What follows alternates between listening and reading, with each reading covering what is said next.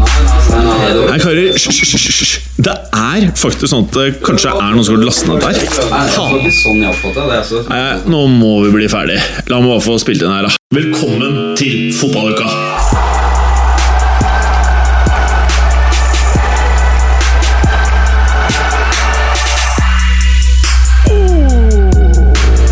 Og med det så hører du på episode 116 av uh, Fotballuka.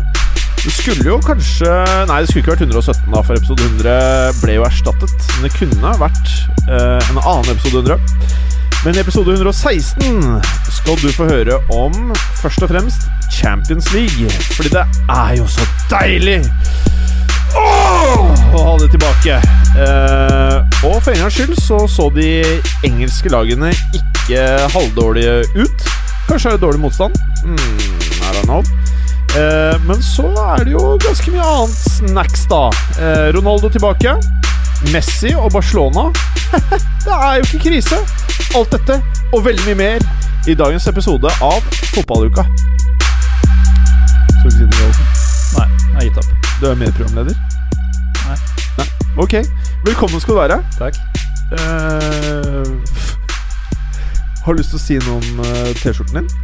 Det kan du gjøre. Ja. Da må du snu deg litt mot meg, og så må du trekke den litt ned der. Skal vi se. Ja, da står det Night Birds. Så står det nederst står det da Life is not amusement for me. Ja. Og så er det da bilde av en killer clown som er veldig sint, og øynene er helt sorte. Eh, og så ser det ut som han har en killer clown baby, eller er det en baby han har stjålet, som også bare står og smiler? Antagelig stjålet. Stjålet baby. Ja. Og den babyen mangler fortennene. Ser du det? Det er også antagelig stjålet. Antageligvis. Mm. Og bak der så er det da et sirkus, eller tivoli er det vel kanskje? Det er tivoli. Ja. Man skulle jo tro det var et sirkus, men det er et tivoli. Det er nok et uh, tivoli.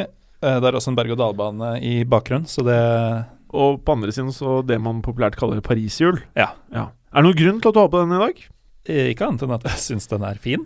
Som Ja. lytterne nok også vil tro at den er, når de hører din beskrivelse av den. Ja.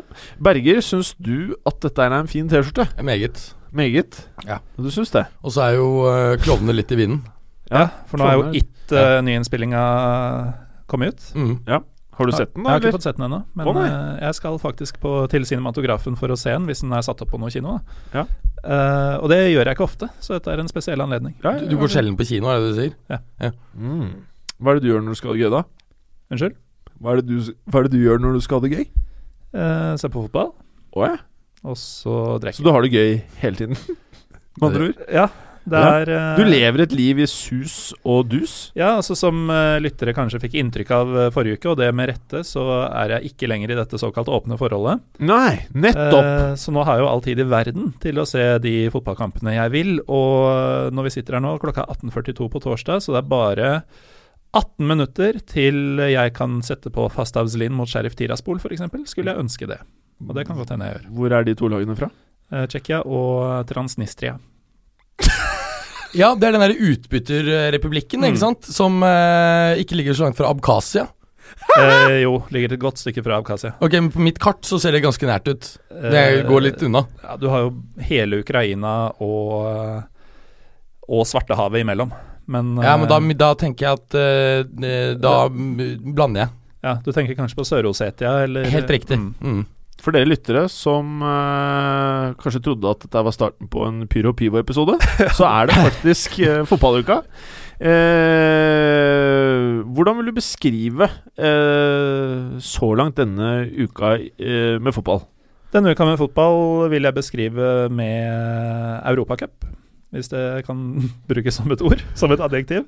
Dette har vært en Europacup-uke. Ja, det kan man kanskje beskrive Eh, som. hvis man, ja. Ja. Eh, for nå har jo, er jo det verste over, på en måte. Nå har vi fått to dager med Champions League. Eh, og i kveld så begynner jo, som jeg akkurat var inne på, selve rosinen i pølsa, Europaligaen også. Kan jeg spørre om en ting, Berger? For du er en sånn type som faktisk kan sånne ting. Mm. Hva betyr rosinen i pølsa? Ja, det er et veldig godt spørsmål, Fordi For meg så er det ikke veldig naturlig med rosin, men eh, det er vel et eller annet eh, sted eh, hvor de bruker rosin i pølse. Har du vært borti rosin i pølsa, Gallosen? Aldri, og det er jeg glad for. Eh, og det, det, det er litt overraskende at dette brukes som Det er jo et uttrykk for liksom juvelen i samlinga. Altså dette er det du virkelig ser etter. Men hadde jeg funnet en rosin i pølsa, så hadde jeg blitt dritsur. Er det det det betyr? Pølsa hadde vært Ja, ødelagt. ja, ja, for jeg har tenkt motsatt, ja. At det ikke er noe juvel. Nei, altså det, jo, det er jo ikke det. Det er jo ikke noe skinken i midten. Det er liksom det beste. Skinken i midten. Skinken i midten av en sandwich, eksempel. Ja, ja. Jeg foretrekker eller- skinkene på sida av Eh, midten. ja si eller, sånn. eller inderfileten. ja, jeg er mest ute til osten, skal jeg være helt ærlig, i sandwichen. Jeg synes den eh, er den som setter tonen for meg, da. Kommer helt an på uh, Så jeg hva vil slags si osten i midten. Altså Hvis du får en eh, deilig patanegra skinke, så uh, vellagret patanegra, da vil du ikke si at du vil ha en Jarlsberg-bit istedenfor. Altså. Mm. Men uh, en annen ting som skjedde denne fotballuka her, uh, det var jo det at uh, du, Gallosen, og jeg var jo et sted og så på et show hvor du, Berger, ikke var. Nei, eh, jeg fikk ikke be- Prøvde jo da å høre om dere hadde eh, holdt deg plass til meg, men så fikk jeg da et det jeg oppfattet som negativt svar. Vi samtykket gjennom å tie. Eh, ja, Det at vi på forhånd har sagt at vi har holdt av bord, det var ikke nok. Å ja. Faen. Og det gjorde faktisk at jeg ikke fikk sett uh, Fikk sett uh, at Juventus ble slakta av, uh, av Barca. Det gjorde jo faktisk ikke noe. Ja. men det ville du ikke fått sett uansett, for vi så United. Manchester United Basel, for vi var jo på Mm. hva, Morten Gallosen? Ja, på United We Podcast eh, live Ja. med bl.a. Arne Skeie. På pokalen i Oslo. På pokalen. Og eh, det var jo ganske så kult. Det var Arne Skeie, Henrik Fladseth og Jonas Jæver. Ja. Han har fortalt meg om man skal si Jæver, men jeg sier Jæver. Det er morsommere å si jæver. Ja, for den er der. Man må jo kunne si det, tenker jeg, da. En er en er. Ja, en er, Ikke sant det, Berger? Nei. Nei, det er Jæver det. Det er Giæver, selvfølgelig er det det. Er det det, eller? Ja, ja. Ja, Greit, okay. Lars Berger. Men uh, dette her var jo dritfett, og uh, hver torsdag så har jo uh, Moderne Media fotballquiz på pokalen, med Mhm. unntak av i dag. Eh, så neste torsdag så blir det jo eh, quiz på pokalen klokken eh, 19.00. Og da er det jo eh, Josimar som skal ha eh, quizen eh, den dagen. Og hvis jeg ikke tar helt feil, så tror jeg faktisk det er Freddy Dos Santos som skal være gjest. Eh, så dit skal i hvert fall jeg. Eh, dit skal vel eh, du, Mats, og du, Morten. Og jeg håper dere lyttere kommer dit. Det er et gratis event, og nå sist så var det jo da som sagt dette vandretrofeet, altså en pokal. Som eh, gikk til eh, vinnerlaget, og det skal forhåpentligvis eh, skifte hender nå neste torsdag.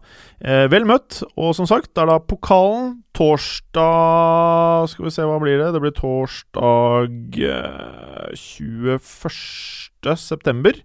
19.00. Da er det Josimar som holder quizen, og dette her er ikke bare for uh, nerds. Dette her er masse forskjellige kule spørsmål. Og man får også sikkert stille Freddy Dos Santos en eh, del forskjellige spørsmål. Eh, hvis du ønsker å lese mer om eventet, så regner jeg med du kommer på Moderne Media sine Facebook-sider. Eh, eller Josimar sine Facebook-sider. Eller Pokalen sine Facebook-sider. Forrige torsdag så var det jo vår bror Martin Roppestad i eh, toppfotball og Tom Nordli som holdt det. Og dette blir jo et sånn vandretrofé, da. Så for hver torsdag da så eh, kommer denne tittelen da til å eh, forandre hender. Med mindre det er noen som er jævlig flinke og klarer å holde den i, i laget, da. Det skal godt gjøres hvis de forskjellige fotballpodene skal lage de forskjellige fotballquizene. Ja. Fordi du vil ikke få de samme spørsmåla av Roppestad og Toppfotball som du får av meg og den andre podkasten, f.eks. Pyro Pivo? Så det skal være gode folk i studio, hvis, er eller i salen, hvis Ja. de vinner begge de to. Ja, det skal, skal gode folk, ja. Men si meg, når er det du skal ha din eh, quiz? 5. oktober, tenkte jeg. Fem, 5. oktober, ja. Rundt fint tall. Ja. Ja. For den quizen som var nå, så var det da toppfotball som hadde laget uh, quizen. Ja, Mm. og Tom Nordli. Så, det var, ja, ok, så, så det var bare norsk fotball? Nei, det var det det ikke var. Det var fra hele verden. Ok. For det skal være sånn at du ikke må være eh, norsk fotballnerd eller Serie A-nerd. Du skal kunne stikke dit og ha det gøy. Mm. Så klart, han klarte vel å lirke inn ett eller to eh, fæle, fæle, fæle spørsmål om norsk fotball. Men generelt sett skal det være underholdende, da. Ja. Og jeg var på ett et av lagene her. Jeg klarte vel én eller to uh, ting. Så det var jo ikke Eller jeg klarte flere. Jeg klarte flere. Jeg klarte ikke det. Men uh, det var gøy, veldig gøy. Eh, så du, Galsen, skal være der 5. oktober klokka 19 starter din eh, quiz. Det er godt å vite. Eh, og det er jo gratis å komme, i motsetning til når det er livepodkast, så koster det jo 75 spenn. Men det er 75 velbrukte kroner, Gallosen. Husk Ja. på det. Ja, altså Du snakker til uh, menigheten. Ja, jeg snakker til menigheten. Skal vi prate litt uh, eh, Har du noen eh, store minner fra denne fotballuka, uh, Berger? Nei, ikke noe sånn utover at, ja, at Juve var helt ræva bakover og Ja. slapp inn like mange mål på én kamp som de gjorde helt frem til finalen i fjor. Ja, det er ikke bra. Nei, og Det sier eh, kanskje noe om at en annen klubb ikke er i noen krisetilstand. Det tror jeg også. Altså, det er jo gjerne sånn det er i, i fotballverdenen, at enten så hyller man noe, eller så eh, nedgraderer man voldsomt hva man, eh, hva man tror om dem. Og, og første elveren til Barca er jo fortsatt veldig bra. Det er jo det at det, stallen er litt, litt tynn, ikke sant. Eh, og det er klart at uh, Vi har jo sett at vi tror Real Madrid kommer til å få en veldig god sesong. Nå er det allerede noen som er ute og tror at nei, dette kommer til å gå i helvete, fordi at de har hatt uh, De bare vant 3-0 i går, de har hatt to uh, uavgjort-kamper. Det er jo igjen litt overdrivelse. Overdrivelse. Men la oss starte i riktig ende for mannen som ikke er i dag. Eh, det er Preben Ringerike. Mm. Han Det er vel nye barn inne i bildet her, så vidt jeg skjønte? Det er flere barn? Det Er vel ikke det? Nei, hva var det, da? Nei, han er i Nord-Norge. Å ja. Har han barn der? Det er uh... Som ikke kona veit om og sånn? Han har ekstra kids. Kona hører vel på den podkasten, så, så, så nå veit han. Shit, har vi outa det? Men det er vel mer sannsynlig at du har barn der, Berger, som du ikke veit om. Ikke i Nord-Norge. Ikke i Nord-Norge. Nei, nei, nei. nei. Nei, for damer du har vært bortpå, de flytter ikke etterpå. Eh, nei, de, de er stasjonære. Det er, det er ikke noe sånn La Donna er mobile, er det i mobile? Ah. Ah, ja, Gallosen. Fordi da, som vi var innom, Preben, Preben Ringerike har laget programmet Og barn. Og, og barn. Eh, og det han vil vi skal starte med, er da følgende. Som er veldig interessant, og som jeg har hørt flere av podkastene i studio her har eh, drevet og prata med korridorene. Og dette er det at Premier League-klubbene nå har vedtatt at overgangsvinduet vil stenge noen dager eh, før seriestart. Og hva mener vi om dette? Hva er hensikten med dette? Og er det fordel, eller er det en ulempe for, eh, for eh, klubbene i Premier League, Allosen?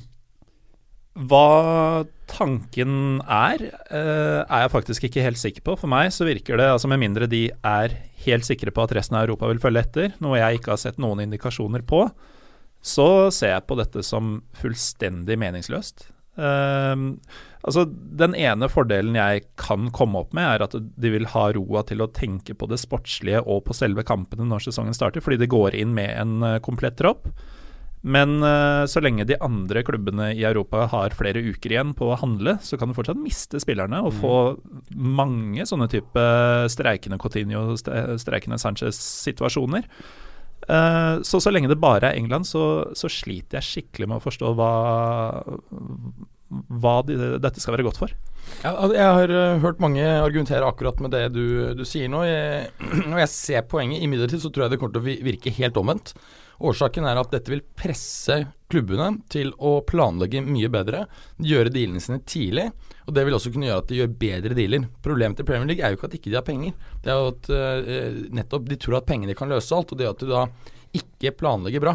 Nå kan de da ende opp med å bli tvunget til å planlegge, og dermed kunne, kan dette ende opp med å bli en fordel og ikke en eh, det som, Fordi jeg, umiddelbart så ser jo dette ut som et handikap for Premier League, men jeg tror ikke det kommer til å eh, vise seg at det blir det. De vil jo uansett måtte forholde seg til en deadline, da. bare at den kommer mye tettere på nå. F.eks. i et VM-år, EM-år, så vil de ikke ha mange ukene etter at spillerne er tilbake på treningsfeltet før de må vite nøyaktig hva de trenger å få på plass det. Og altså, de, har jo, de kan jo ikke ha lengre januarvindu, f.eks. Eh, de kan eventuelt åpne sommervinduet tidligere, men det er jo ikke godt for noe, det heller. For uh, de, spillerne tar jo sommerferie på den tida uansett. Helt riktig, men det det, det det vil føre til, tror jeg, det er jo at uh, her vil klubbene evaluere mye tidligere, og at de vil prøve å søke å nesten fullføre dealene før VM, og så gjøre bare siste biten uh, etter VM. Så det er i det, Hadde jeg sittet som sjef i en Premier League-klubb, så er det det jeg på en måte hadde trukket ut av. Ok, da må vi bare planlegge mye tidligere. Jo, men du vil jo fortsatt få denne panikken når eh, vinduet nærmer seg slutten. Og eh, altså, du vil jo kanskje, siden du må gjøre dealene i, i forkant av mesterskap i stor grad, så vil du kanskje slippe å få sånn Patrick Berger eller Ajid Diouf eh, eh, idiotkjøp. Men eh, du vil jo heller ikke kunne plukke opp de som faktisk slår gjennom og kommer til å bli noe, eh, som du kanskje ikke var klar over før mesterskapet. Eh, de har du bitte lite, en bitte liten åpning på å prøve deg på, mens resten av Europa kan eh, bruke tiden bedre på det. Ja, da Også- slipper, du å kjøpe Hames Rodriguez til 80 millioner eh, fordi du har vært eh, entusiastisk over prestasjonen hans i VM, da. Ja, men Det hadde jo ikke vært en dum idé i det hele tatt. Han har jo ikke vært dårlig i Real Madrid.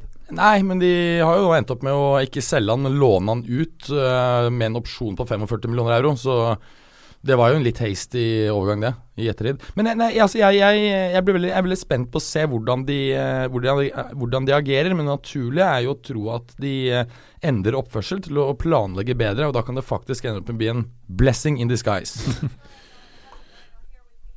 Ja. Så Hva var det for noe? Nei, det var bare litt uh, ekstra juice, bare. Eh, vet vi noe om eh, Det var jo noen trenere som var ute og sa at dette var dumskap. Og så var det noen som uh, syntes at det var eh, veldig bra. Men uh, har vi noen tanker om uh, hvem som tjener, og hvem som ikke tjener på dette? Jeg ser på det som en gavepakke til resten av Europa, Mm. som eh, kan slutte å frykte engelske TV-penger eh, og dens tiltrekningskraft ganske tidlig. eh, mens de fortsatt kan forsyne seg av alle de overflødige Chelsea-spillerne de kunne ønske seg, uh, f.eks. Så resten av Europa kommer til å De ser jeg på som vinnerne foreløpig, i hvert fall. Det er jeg enig i. At, at klubber som, som typisk på kontinentet er eh, midt på tabellen eller litt over der, men som må slippe eh, spillere når Premier League eh, kommer på banen med et høyt bud, à la f.eks. Uh, Zappacosta, så vil de slippe å få det på sin egen deadline day. Da har de fortsatt ganske lang tid på å um, erstatte spilleren. Så det er en klar fordel for eh, de kontinentale klubbene. Men det er klart at ser du i, i Serie A, så er det allerede eh, diskusjoner. har jo vært en del debatt der også, om man ikke burde gjøre det samme. Så jeg tror at du kommer til å se at eh, andre ligaer her følger etter eh, relativt snart. Mm. Ja, kanskje. Eh, Men, men, men jeg er enig med Gallesen sitt poeng når det gjelder i mesterskapsår. Så, så kan det bli tight der. og da må, da må klubbene og agentene jobbe lynhurtig etter mesterskapene for å greie å, å close det. Hvis ikke du da ser at eh, dette i større grad blir et innslag rett og slett under mesterskapene. Og Det vil jo være trist, for da kan du se at spillerne blir distraherte, og, og at det går utover prestasjonene. Men er det noen klubber i Premier League som har noen agenda for at eh, det er bra å stenge det tidligere? Størrelse på klubber, har det noe å si? Altså Vi så jo nå at eh, City og United er blant eh, de klubbene som eh, stemte mot. Og så var det én klubb som stemte blankt, i tillegg til tre andre som stemte mot. Så de var vel de eneste store. Eh, og argumentet, så vidt jeg skjønner der, er at de føler at de egentlig tjener på å ha det lengst mulig, fordi de har såpass mye penger. At eh, ja. Ja. Men, eh, Og så mens, står det så mye på spill at uh, du kan jo gå inn til serieåpninga og tenke at uh, vi tror vi har det vi trenger. Eh, og så viser det seg at å shit, vi har virkelig feilvurdert uh, Radamel Falcao, da, f.eks. Han eh, United et par år siden var jo ikke i stand til å putte i det hele tatt. Og da hadde jo den muligheten til å justere og hente inn en til, f.eks. Uh, den vil de jo ikke ha nå lenger, og det kan jo spolere hele høstsesongen for, uh, for en toppklubb som har gjort et tydelig feilkjøp, da, som kommer fram tidlig. Eventuelt ryke på en skade på en nøkkelspiller i si kamp to.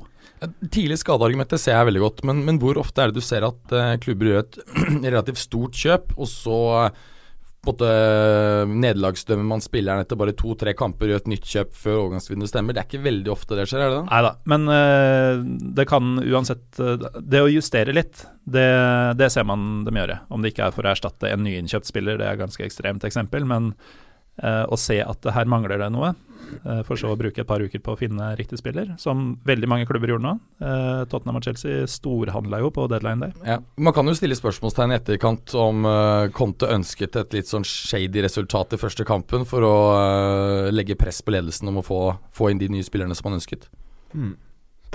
Ja. Uh, hva annet er det eh, dette vil innebære for eh, overgangsvinduet i Europa? Tror du hvis andre ligaer da ikke følger etter, kommer de til å spekulere i at eh, Premier League stenger tidligere? Får vi noen eh, ligaer som kanskje kommer til å endre atferdsmønster i overgangsvinduet for å tilpasse seg og utnytte eventuelt denne endringen, da? Det blir jo litt sånn gjedda i sivet-takter, vil jeg tro, fra diverse klubber. Altså, du vil jo altså Når engelske klubber ikke lenger kan kjøpe, så vil jo andre kontinentale klubber kanskje kunne få spillere for mindre penger, eh, i og med at prisen ikke eksploderer når f.eks. Stoke kommer på banen. Eh, da kan Marseille eh, forhandle med denne italienske klubben i fred og ro og få en ok pris. Eh, muligens. Men jeg syns jo det er eh, merkelig at eh, det har gått så mange år med disse vinduene uten at det har blitt en standardisering på når det skal være åpent. For eh, altså, nå er det ikke sånn at tyrkiske lag De kan gjøre hva de vil uten å bli bedre, Ja. men at de skal ha overgangsvindu oppe en uke lenger enn andre, at Spania skal ha det én dag lenger enn andre eh, Jeg ser ikke hvorfor ikke det har vært en, eh, en sentralisering, holdt jeg på å si, en eh, standard på Mm. at eh, de, de konkurrerer jo i samme marked, alle sammen. Men det vil jo alltid føles som en liten fordel at La Liga har den dagen ekstra kontra Premier League. Nettopp. Eh, og det er jo sikkert grunnen til at de hele tiden eh, har valgt å gjøre det, da. Eh, så jeg, jeg skjønner insentivet til andre ligaer, hvor det er eh, spesielt alt annet enn La Liga og Premier League, så vil jeg vel skjønne insentivet til å drøye det et par dager for å kunne gjøre noen steals, da. Nettopp, og da syns jeg det er absurd at England tenker nei, vi stenger mye tidligere enn alle de Ja, andre. det, det høres litt rart ut. Mm. Det gjør det faktisk. Altså det, blir, det, blir, eh, det blir veldig spennende å se hva effekten i, i praksis blir, altså for det kan gå begge veier. Men jeg ser jo argumentene deres. Eh, Imidlertid så tror jeg at når de nå tross alt har innført dette ett år før, eh, før vi ser endringen, så skulle det tilsi at klubbene også har mulighet til å tilpasse seg gjennom, gjennom bedre planlegging og kartlegging av spillere på et tidligere tidspunkt enn det de fleste Premier League-klubbene eh, har vist at de er i stand til. Men vil de på magisk vis bli i stand til å planlegge bedre? Det er vel ikke det at de ikke har prøvd? Nei, men de, altså, de får jo et eh, sterkere insentiv. Hvis du har masse penger, og du eh, da eh, på en måte ikke er tvunget til å planlegge, så, så eh, gjør du det kanskje heller ikke. Da. Man ser jo det at uh, mange Premier League-klubber er lite flinke til det. Mm. Men jeg tror ikke det har gått på vilje eller motivasjon. Jeg tror det er evne. Ja. Og den evnen blir ikke automatisk bedre bare fordi de plutselig må. Nei, jeg tror jo at øh, nettopp fordi at de nå blir i større grad presset til det, så, så tror jeg at det kommer til å gi en positiv effekt. Men det blir spennende å se hvilken, øh, hvilken vei det ender opp med å tippe. Ja, vi får bare ta tida til hjelp. Men, men det er klart at det er, hvis, øh, hvis man i England hadde hatt samme regler som i Spania, som hadde gjort at alle øh, kontrakter må inneholde en utkjøpsklausul, så kunne det vært et mye større problem. For da kunne du fått en situasjon hvor f.eks. Coutinho hadde gått, da, hvor klubben ikke kunne holdt han igjen. Eh, og heller ikke ha, da hatt en mulighet til å hente en erstatter. Og Det er klart, det er en katastrofe. Mm. Men, eh, men den har du ikke i, eh, i England. Bra. Eh, over til Champions League. Det er jo det vi gleder oss mest til å prate med her i dag, da. Eh, hva vil eh, du si at eh, høydepunktet denne uka har vært for deg eh, med tanke på Champions League, Berger?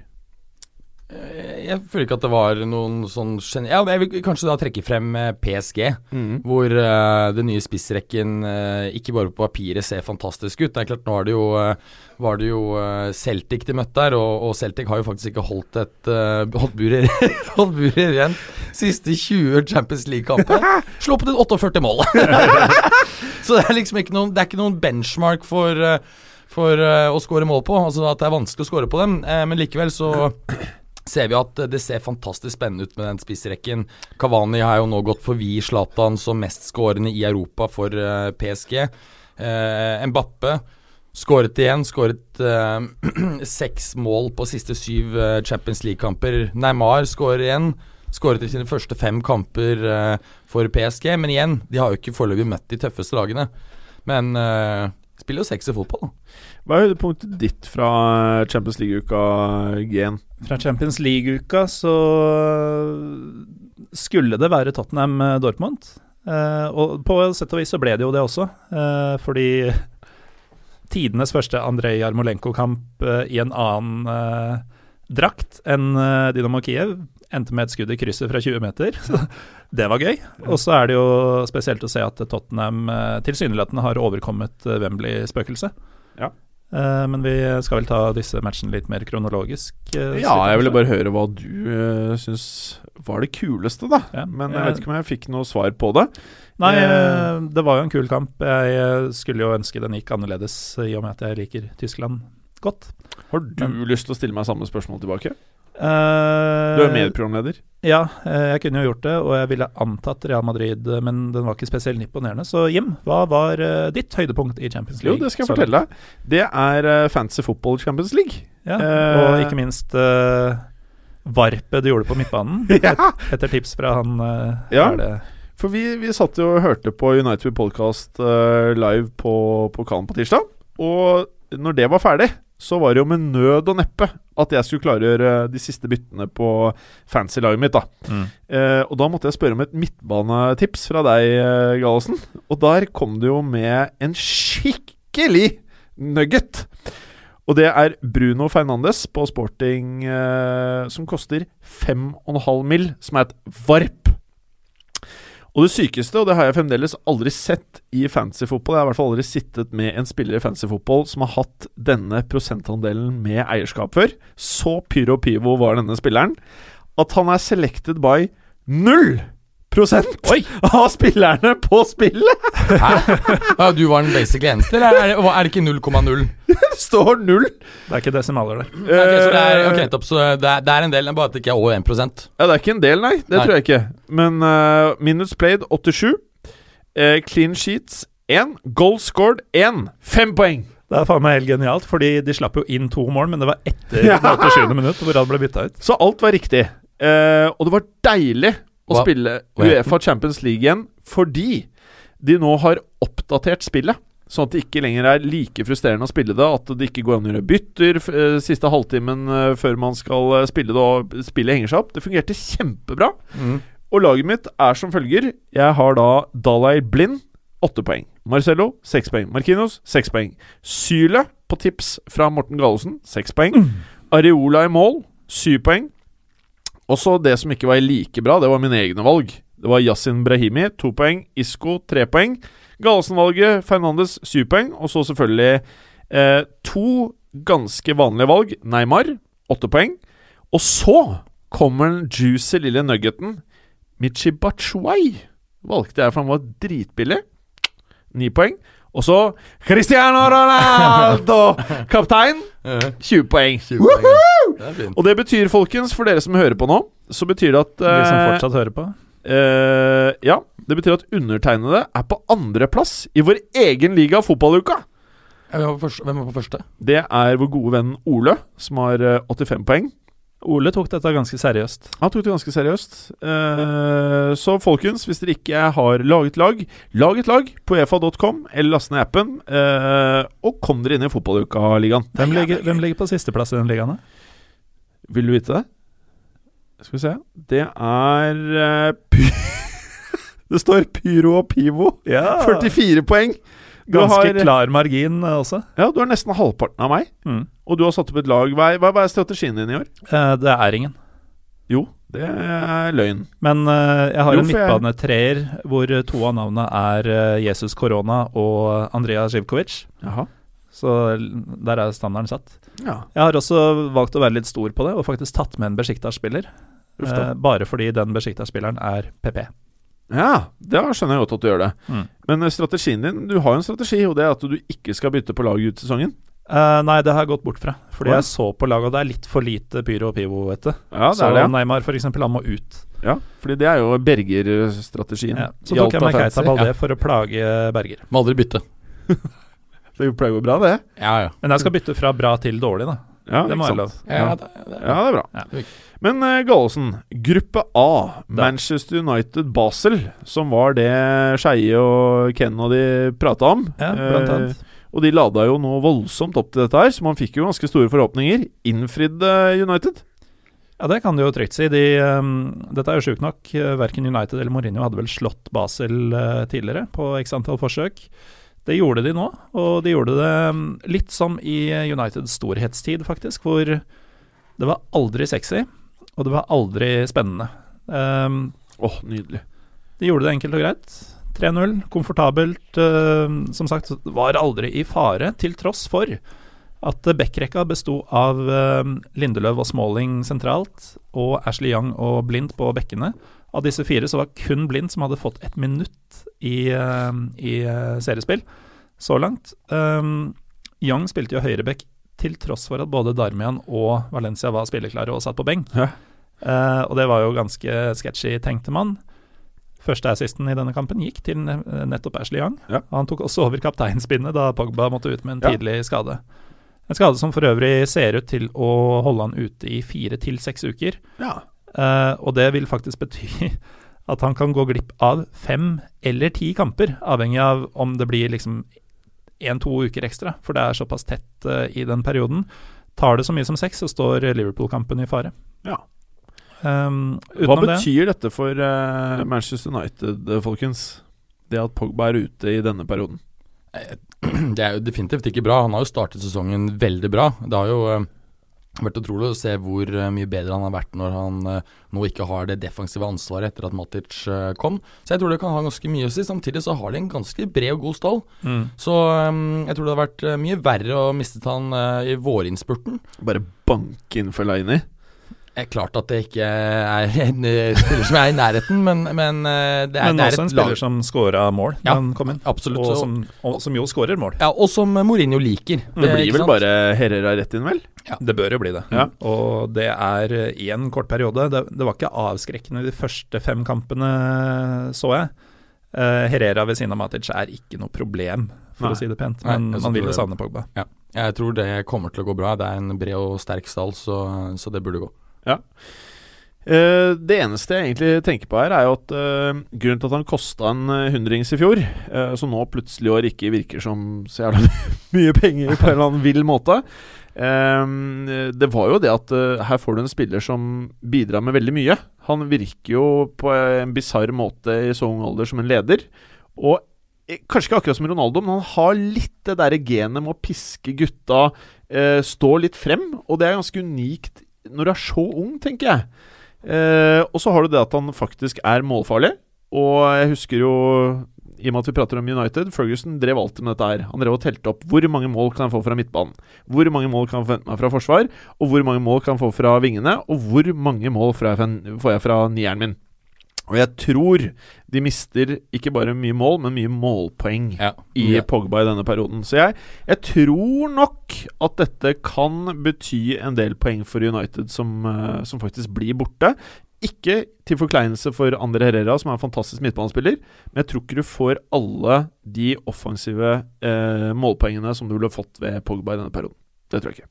Det kan godt være, men jeg tror ikke at det vil gå veldig utover poengfangsten, som tross alt er det vesentlige i eh, denne perioden. Jeg tror at eh, La oss si de vinner 2-1 i en kamp i stedet for 4-1, da. Ja.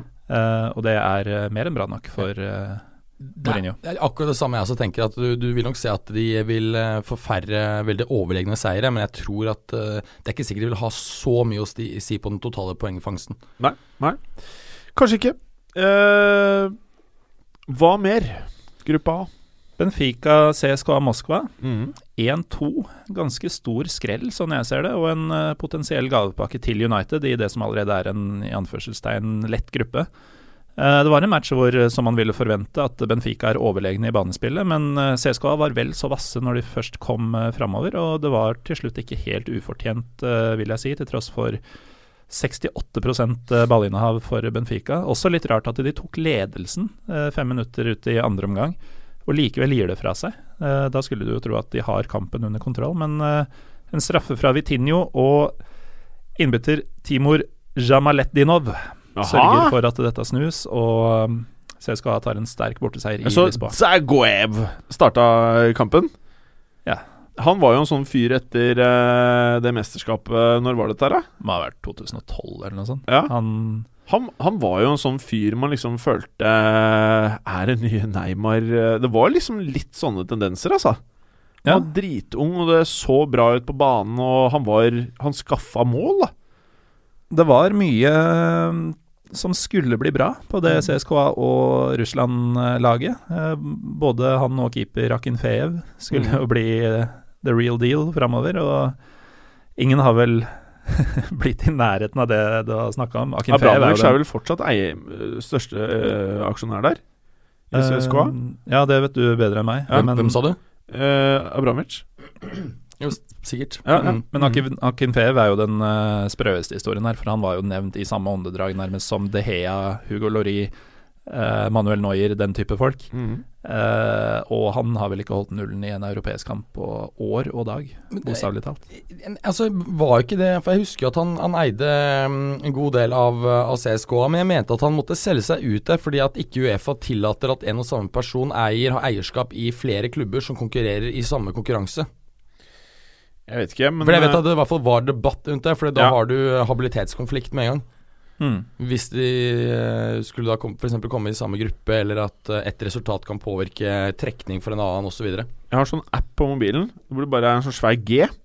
Uh, og når jeg trykker på den og skriver ting, så kommer det opp litt sånne der eiere og Ja, faktating. Uh, så jeg kan jo sjekke ut det mens du tar oss videre, Gallosen. Men uh, apropos dette med interessekonflikter, da, så det kan jo bli spennende hvis uh, Ratten Ballsport eh, blir nummer tre i gruppa si. Eh, og da i Europaligaen skulle møte et lag med identisk logo og identiske drakter i uh, sluttspillet der. Mm. For de har jo fått lov å stille i samme turnering. Ikke sant? Eller i europeisk konkurranse. Ja, ja. Eh, Berger, du var jo så vidt det var innom som eh, ditt høydepunkt for CL denne uka. her. Celtic PSG. Mm. Take us through it. Nei, eh, det ble jo da 5-0 til, eh, til eh, PSG på Celtic Park. Celtic har som sagt ikke holdt nullen på 20 kamper, og, og her rant det jo inn tidlig. Cavani åpnet med et mål som ble annullert, før Neymar etter 19 minutter skårte Mbappé. Kavani greide så å sette en sjæl. Vår egen, holdt jeg på å si, nesten egne, eh, Mikael Lustig, tidligere Rosenborg-spilleren, skårte selvmord i 83. før Cavani satte sluttresultatet til 5-0 i 85. minutt. Som det er Jeg nevnte jo en del av disse tingene i stad, så det ser jo kjempebra ut offensivt. Det er klart at uh, Nå har de foreløpig hatt relativt enkle motstandere, både hjemme og, og denne kampen her, så det blir veldig spennende å se hvor, eh, hvor bra de er når de møter litt, eh, litt tøffere forsvar. Men eh, som Adrien Rabiot sa, at eh, å spille nå bak disse gutta, det er bare å gi dem ballen, så, så greier de å ordne opp der fremme. Men det er jo, altså, selv om det er oppskrifts, oppskriftsmessig at uh, PSG vinner i Skottland her, så er 5-0 på Celtic Park. Altså uavhengig av hva slags Celtic-utgave du møter. Det er kruttsterkt, altså. Ja, det er, det er visst det største tapet Celtic har hatt i Champions League Mm. eh, på hjemmebane, så, så det er eh, veldig imponerende. Så var det denne episoden hvor det var en Celtic-fan som kom seg inn på banen og prøvde å sparke til Mbappé. Eh, Arsenal fikk jo en bot på 5000 euro, det er jo ikke rare greiene, for en, en fan som kom inn på banen i fjor. Her må du regne med at det blir en, noe mer, i og med at eh, det så ut som han prøvde å, å gjøre noe med Mbappé. Det er rart valg av spillere å angripe.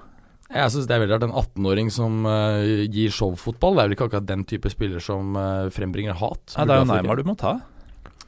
Ja, jeg vet ikke. Han også er jo en spiller som på en måte man syns er positiv og har et bra bidrag til fotballen gjennom uh, Jeg spiller alle hata Neymar. Jeg. Alle medspillere og alle bare syns han er en kak. Ja, Han var veldig dust der, for han nektet blant også um, takke for kampen til han uh, unge bekken han, til, til Celtic, som bare vel er 18-19 år. Ja. Det er ikke spesielt uh, sympatisk. Jeg føler at de, de Altså Jeg skal ganske langt tilbake i tid. Ronaldo er det jo folk som liksom syns er arrogant og teit. Men uh, Neymar føler jeg veldig mye innenfor uh, fotballverdenen som rett og slett ikke liker.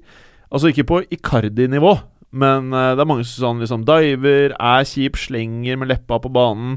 Eh, er litt primadonna, da. Ja da, han er ikke den mest sympatiske eh, personen. Det, det virker han ikke som. Og så er det vel sikkert mange som også reagerer på det at han eh, har sagt uh, gikk til PSG, og mange mer har valgte penger fremfor å være i en bedre klubb. Så det er for så vidt fair enough, det. Jeg googla CSKA-greiene. Skal jeg ta det? Ja. ja. her står det faktisk at sønnen til Roman Abramovic, Arkadi Abramovic Å, herregud. Uh, Det han, er The Americans eh. Altså. ja, han har uh, selvfølgelig vært flink med business, han også. Ikke sant? Som far sin. Så han er nå verdt 3 milliarder dollars, mens Roman har vært 9. Eh, og det står nå at det, det ryktes Dette er en artikkel fra 3.9. Ryktes at Arkadi Abramovic er veldig keen på å betale det som angivelig er verdien på CSKA Moskva, som er 300 millioner dollar. Som er like mye som Neymar, øh, omtrent. Litt mer enn Neymar. Uh, så da kanskje vi får eh, en Det står ikke noe om eh, hvordan Roman er der, men har klare linker til klubben. Bayern Anderlecht Berger? Nei, eh, det endte jo eh, 3-0. 3-0. Eh, Andrej fikk jo en, eh, et tidlig rødt kort der, men jeg tror ikke det akkurat påvirket resultatet. Eh, Bayern hadde total kontroll, vant eh, som sagt 3-0. Lewandowski etter 12 minutter, Alcantara og Kimmich i andre omgang.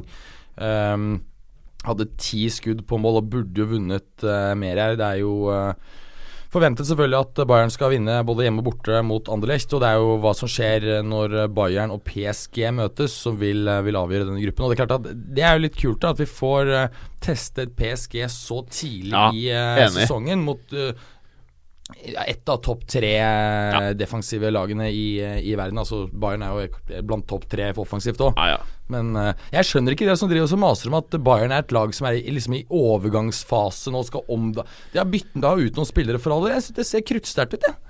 Eh, kan jeg bare si en ting? Eh, du vet den derre sommeren hvor eh, Alcantara gikk for 25 euro til Bayern? Ja, det er bare Og Kroos på utgående kontrakt, bare for at Real skulle bare sikre han. Så Mm. bare blæsta de 25, selv om de kunne fått han gratis. Og så gikk Kroos til Real. Mm. Fem, nå prater vi om 25 euro for de gutta her. Mm. Og når jeg så Alcantara, jeg så noen høydepunkter med han, og jeg må jo si, da, jeg syns han er en jævlig bra midtbanespiller. ja. Jeg skjønte aldri hvorfor ikke Barca prøvde å henge for å få han tilbake i sommer. Var det sånn for da, da ville de ville skjønne tap ta på ansikt at du har solgt den billig og så kjøpt den dyrt tilbake? Det er bedre å gjøre det enn Ja, ja, de må, å ikke gjøre det. de må bare gjøre det. Ja. Jeg føler at det er et av få alternativer til han der eh, borti PSG. Ikke Cotinho, nei. Verrat. Verratti. Oh, ja, ja, ja, Ja, ja, ja, ja. jeg syns at han er det reelle alternativet her. Eh, og for meg så øh, Nå fikk jeg ikke sett hele matchen, men de høydepunktene jeg ser av Alcantara Dette her er mannen som øh, kan løfte Barcelona flere hakk. Eh, men de summene her er så, Jeg blir så perpleks av å sammenligne bare summer for noen få år siden med det spillere går for nå, da. Men, men nå er det også slik at det automatisk blir høyere summer hvis um, Premier League-klubber er involvert, eller spesielt hvis de er kjøpende klubb. Det har jo blitt slik at um, Men her var jo ikke PSG i Premier League, da. Nei, nei, nei, men, Nei. men, men, eh, men eh, det, altså det med at alle sier at uh, transfermarkedet er totalt endret pga. Premier League, jeg er ikke helt enig i det, egentlig. For du ser jo at det er masse spillere som skifter klubber i, eh, altså Det- utenom Premier League. Bonucci-overgangen Jeg kan altså, være enig, men, men de mest ræva spillerne som bytter klubb i Premier League, de går jo fort for 20. Ja, ja, ja. Altså, han derre Ake gikk til eh, Bournemouth. Eh, ikke at han er en dårlig spiller, men eh, det er ikke liksom eh, Skjønner jeg, men det er ikke the shit. Nei, Han gikk, han gikk for halvparten av Bonucci, cirka. da Ja, ja. Og det, ja, og det er jo noe, da. Og han derre der keeperovergangen til Everton, liksom. Altså, Ja, ja. skjønner jeg mener? Og Det, det er liksom Clasen til Everton også er jo en høy er jo en dyr Eh, transfer. Ja, så liksom, det er liksom bunnivået på hva overganger koster med en gang Premier League-klubben er involverte.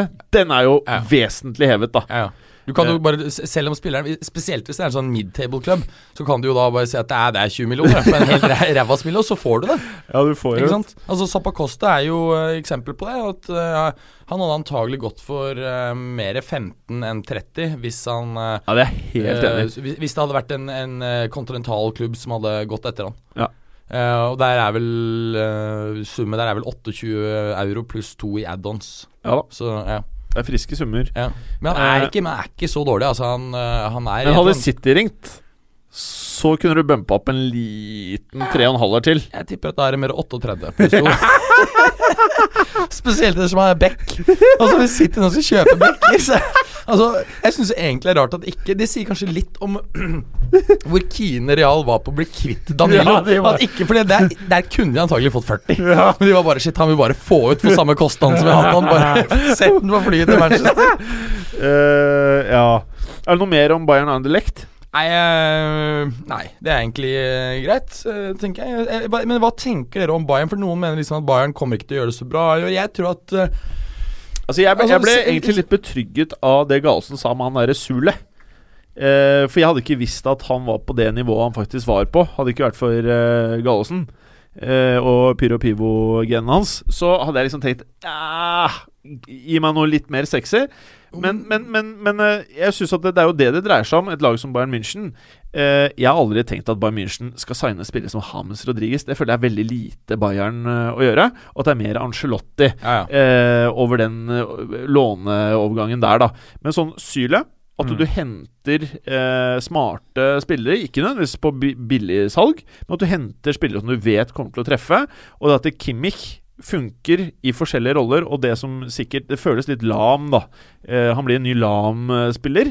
Og jeg føler at det er det kanskje det viktigste. At de besetter de posisjonene som de alltid skal være best på, i hvert fall i Tyskland, kanskje i Europa.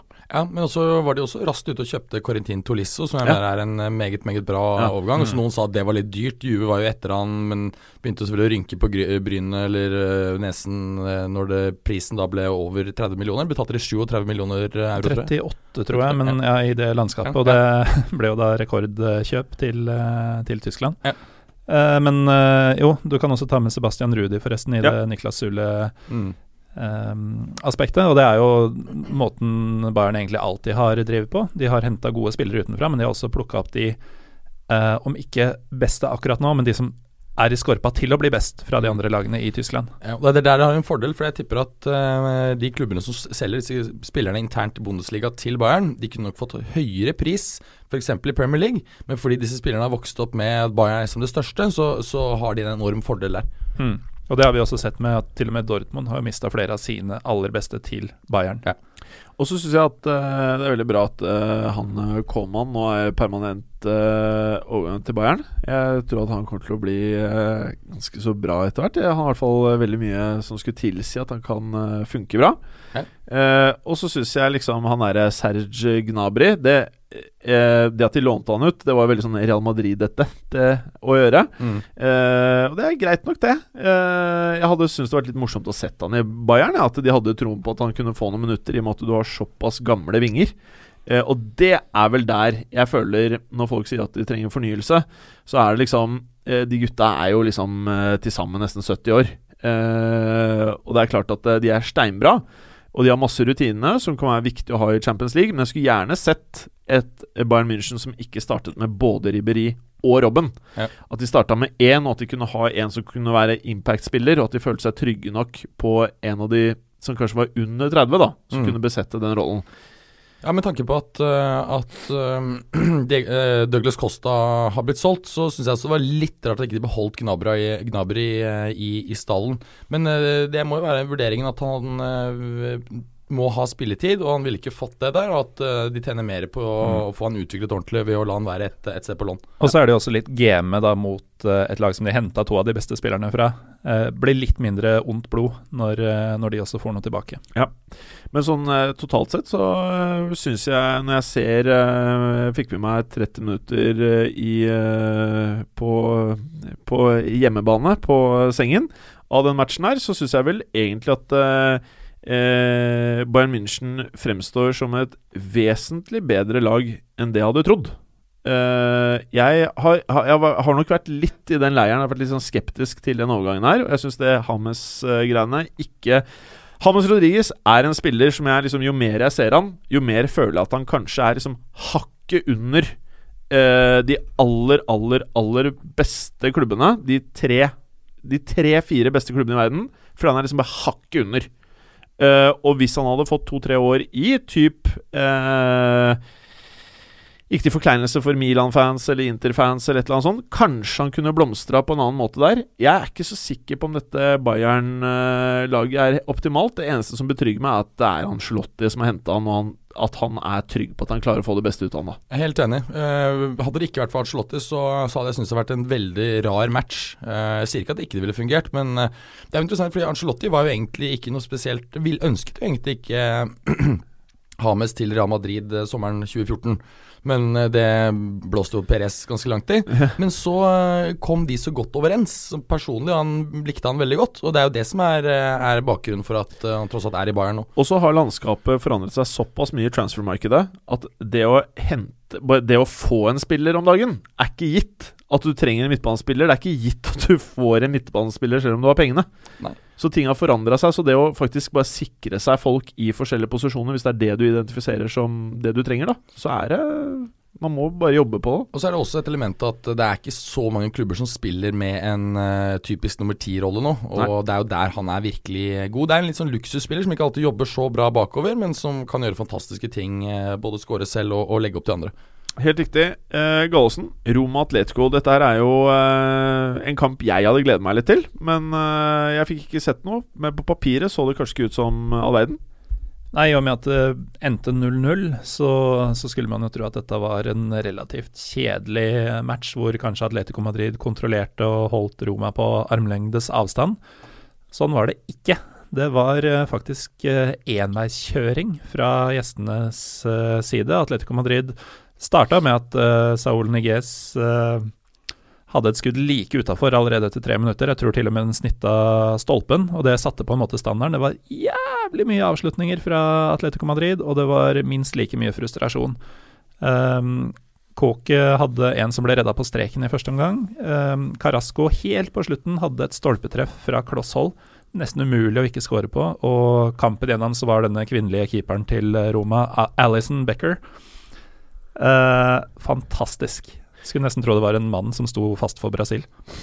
Uh, for de som er hipstere, så skjønte kanskje hva Gallosen mente. Jeg skjønte ikke alt. Men poenget mitt er bare dette med Atletico Madrid. Er, er, er, ja, Det var det at han er jentenavn, ja, ikke sant. som var morsomt for Så han står for Brasil, er det du prøvde også å si?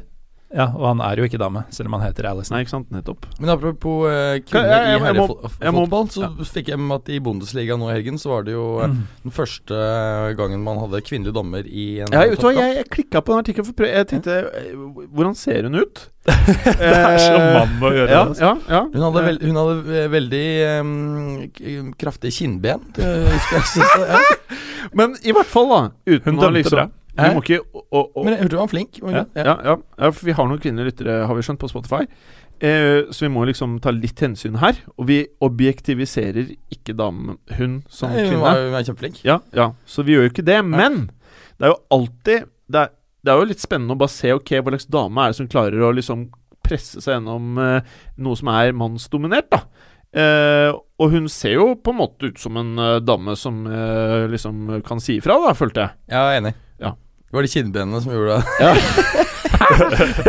Men hun, hun Men- har sagt kraftig ifra i uh, både andre og tredjeliga i uh, noen år nå. Og dette opprykket er uh, Det er ikke en gimmick, det er faktisk noe hun har gjort seg fortjent til. Og det viste hun også i debuten sin, at uh, dette er faktisk en god dommer. Men det første som slår meg, er at det er sikkert andre kvinner som har gjort seg fortjent til å havne der også, og i andre ligaer som aldri havner der. Mm. Men, Men noen må være på. pionerer. Ja. Men, eh, for eksempel, en ting da, for eksempel en, altså en lett dytt i brystet på en, eh, på en dommer. Altså for eksempel Ronaldo hadde jo, fikk jo fem kamper her. Ja. Vil det helt samme bli verre hvis du, fordi det da også vil være et befølingselement? Oh. Eller, eh, eller ville man bare, har man automatisk bare gjort hele problematikken, problematikken kjønnsnøytral? Så det er liksom Et dytt Ja, er et dytt, Det er faktisk et meget interessant spørsmål som jeg aldri har tenkt på. Mm. ja, Nei, jeg kom til å tenke på det nå, for det, det vil jo kunne Og hva ville skjedd hvis en spiller hadde plystra på dommeren? Skjønner mener? Kanskje han får napp? Åh! Ja, nei, det er jo faktisk eh, Man kan jo sitte og tro at vi tuller her, men det er relevante spørsmål. Eh, brystytingselementet er jo Kan jo være faktisk da eller, altså relevant Mener du ikke og, at plystring er relevant? Nei, for det det Eller hvis en spiller sier en Hayudo Det vil jo Det er jo underliggende toner her. jo, men da er jo oppe oppe på, på, på kanskje seksuell trakassering, da. Ja, ja, men det er jo det vi prater om. Ja. Og hva hvis man liksom blunker sånn? Sånn Men- som jeg gjør til deg, Gallosen nå. Jeg blir uvel. Ja. det, hadde Bibiana Steinhaus blitt også. er det det hun heter? Ja. Ja. Bibiana. Steinhaus. Ja, men jeg syns i hvert fall det er jævlig kult Ja, å få eh, kvinnelige dommer der. Og særlig at hun øh, gjorde en veldig bra figur. Altså god prestasjon, sorry. Utenom kinnbeina, så var figuren altså, Hun hadde god prestasjon. Det, kom feil ut. At hun gjorde jobben sin godt. Ja, hun gjorde også Ja, jobben sin ja. godt. Ja. Eh, Så blir det interessant å se om vi får sånne hashtag mansplainere etter dette innslaget. Nå var jo bare ment positivt. Mansplain, hva er det for en mann som forklarer? Nei, det er da, så vidt jeg har forstått, ikke et positivt lada begrep. At man eh, Jeg tror det er sånn at man da eh, enten objektiviserer kvinner, eller at man prater de ned, eller Det er et eller annet som ikke er bra, i hvert fall. da okay. Det er ikke bra å være det. Da Man har ikke bullet en kvinne hvis uh, du har mansplainet. Eh, for de som ikke vet hva en bulle en kvinne er. Man øh, Sier noe si- positivt. Sier noe positivt. ja, Mm. Nei, det, jeg tror da Det vil du ikke ha. Nei, Nei. Okay. Så ja. Men eh, veldig bra, Berger. Godt innslag, Berger. Eh, og videre da, Gallosen? Nei, videre i denne gruppa så har du Chelsea som tok imot Karabakh. Karabag. Eh, som eh, er ikke Karabag? Nei, nei, nei. nei. No. Dette har vi vært gjennom før. Ja. Har vi ikke? Nei. Nei. Eh, Det er i den andre podkasten. jeg snakker så mye i forskjellige Ja, du gjør fora, det. vet du. Ja. Nei, dette er jo dette laget som um, på papiret kommer fra Aserbajdsjan, men som uh, jo egentlig kommer fra denne utbryter... Uh, eller den bananrepublikken uh, som Armenia og Aserbajdsjan fortsatt teknisk sett er i krig om, nemlig Nagorno-Karabakh. Hvorfor sier man bananrepublikk? Fordi den, det er et selvstyre der, og de anser seg som selvstendige, men Ja, er, nei, nei, nei. er ikke anerkjent av eh, Så smart er jeg ikke at jeg bryr meg om det. Altså- Hvorfor sier man banan? Altså, Opprinnelig så er dette et uh, uttrykk som ble eller, Nicaragua er den opprinnelige bananrepublikken. Da, fordi amerikanske fruktselskaper hadde så mye makt der, bl.a. Dole og ja, og så videre. Så det er den første bananrepublikken. Så det er et land med svakt styre, og hvor eh, Og mye bananer. eh, Ja, og tropisk klima, og hvor eh, utenlandske selskaper eh, i realiteten har veldig mye makt. Ja. Mm. Veldig bra, Berger. Det var bra, ass. Mm. Uh, nei da, men i hvert fall uh, på um, armensk, og det er jo Armenia som har kontrollen over dette området, som uh, da på armensk kalles Nagorno-Karabakh. Og jeg velger da å si det på armensk og ikke på aserbajdsjansk, hvor de ville sagt Karabah. Karabah. Ja, eller Ja. Karabah. Ja. Uh, men Karabag er uansett feil. Det er veldig norsk. ja. Uh, men det gikk jo som det måtte gå. Vi er jo i Norge, da. Uh, når den engelske seriemesteren møter et lag som debuterer i eh, dette selskapet. Det ender 6-0 til Chelsea. De gjør akkurat hva de vil med de stakkars gjestene. Og Og, rundens fineste scoring. Zappacosta gjør jo virkelig hva han vil med dem. Han tar ballen Vil fra du si egen det er rundens beste scoring? Eller ku, beste scoring, Berger? Ja, jeg syns det, og jeg synes det er spesielt eh, sjarmerende at uh, Courtois får assist. Det er ikke så ofte Ja, får eh, mål, målgivende pasninger. Og de gangene de gjør det, så er det jo fordi de hamrer ballen ut etter en corner, f.eks., og har en dritkjapp spiss som løper den inn Mm. fra si 30 meter. Og Mm. Det var jo ikke tilfellet her. Eh, men eh, ja, Zappacosta skårer og viser seg jo fram fra virkelig sin beste side i, eh, i sin fulle debut, var det vel. Debut fra start. Pedro skårer, Aspille Cueta skårer, nykommer Bakayoko skårer. Så det var en fin dag å være ny i Chelsea. Det er en type match som la til rette for god selvtillit, og spesielt da kanskje denne Mitsubishien, Mishi Batshuayi. Som eh, lenge hadde en frustrerende kveld, faktisk. Det sto 4-0 før han, eh, han hadde jo starta og spilt hele kampen. Han får sine to skåringer på slutten, til Jim Fosheims uh, store Ah. glede. Uh, og til egen lettelse at han faktisk Han kosta 7,5 på fantasy-spillet, mens Ronaldo kostet 13. Skjønner du, eller? Det er ganske value for money. Men uh, god gammel mos, eh, kjøttkvern, eh, den type ting. Helt etter planen. Hvis du er Chelsea-fan nå, eh, og vi har faktisk fått uh, litt sånne meldinger på Twitter hvor uh, åpenbart vil jo anta at det er Chelsea-fans som skriver til oss når de skriver at hvorfor i all verden bruker så mye energi på at uh, Matic gikk- til Manchester United, uh, fått tilbake Ayoko. Føler dere at dette her er en kamp som kanskje forsvarer salget av uh, Matic Berger? Denne kampen Ja. Nå er ikke jeg Berger, men nei, Ja. på ingen måte. Nei. Eh, denne kampen er ikke eh, noe å ta inn over seg i det Nei. hele tatt. Dette er bare sånn det måtte gå, uansett hva Chelsea hadde stilt. Mm, jeg, jeg er enig i det. Eh, Men det er klart at Bakayoko gjør en fin eh, figur, og jeg tror vi kan vente oss mye av han. Jeg tror likevel at eh, det vil eh, vise seg eh, lite smart å ha solgt Matic til eh, en så eh, en, altså en, en klar tittelrival. Ja, og våre tittelfavoritter her i, i fotballuka. Eh, kan vi gå videre da, GN? Det kan vi gjerne gjøre. Ja. Bare for å fullføre Ja, det. Had, hadde vi, jeg, jeg tror ikke vi hadde satt United som vårt, uh, vår favoritt å ta tittelen hvis ikke Matic hadde kommet. Nei, Det er det som er liksom the, the missing piece in the Mm, ja. jigsaw. Altså. Ja, ja, ja. Men eh, Så, nå som vi er inne på interessante overganger i sommer, så kan vi bare ta med at Milan allerede leder 3-0 bort mot Austria Wien. Skåringer én av Hakan Chalanolo, uh. assist fra Nikola Kalinic. Uh. Og så har André Silva skåra 2-0 og 3-0 på assist oh! fra Chalanolo. Så der er det virkelig nysigneringenes eh, kveld, altså. Det er gøy, ass. Ser også at Atalanta har eh, tatt 1-0 eh, ledelse over Everton. Altså, han André Silva eh, Han gir meg skikkelige forhåpninger for portugisiske landslag i neste turnering, altså. Enig, enig.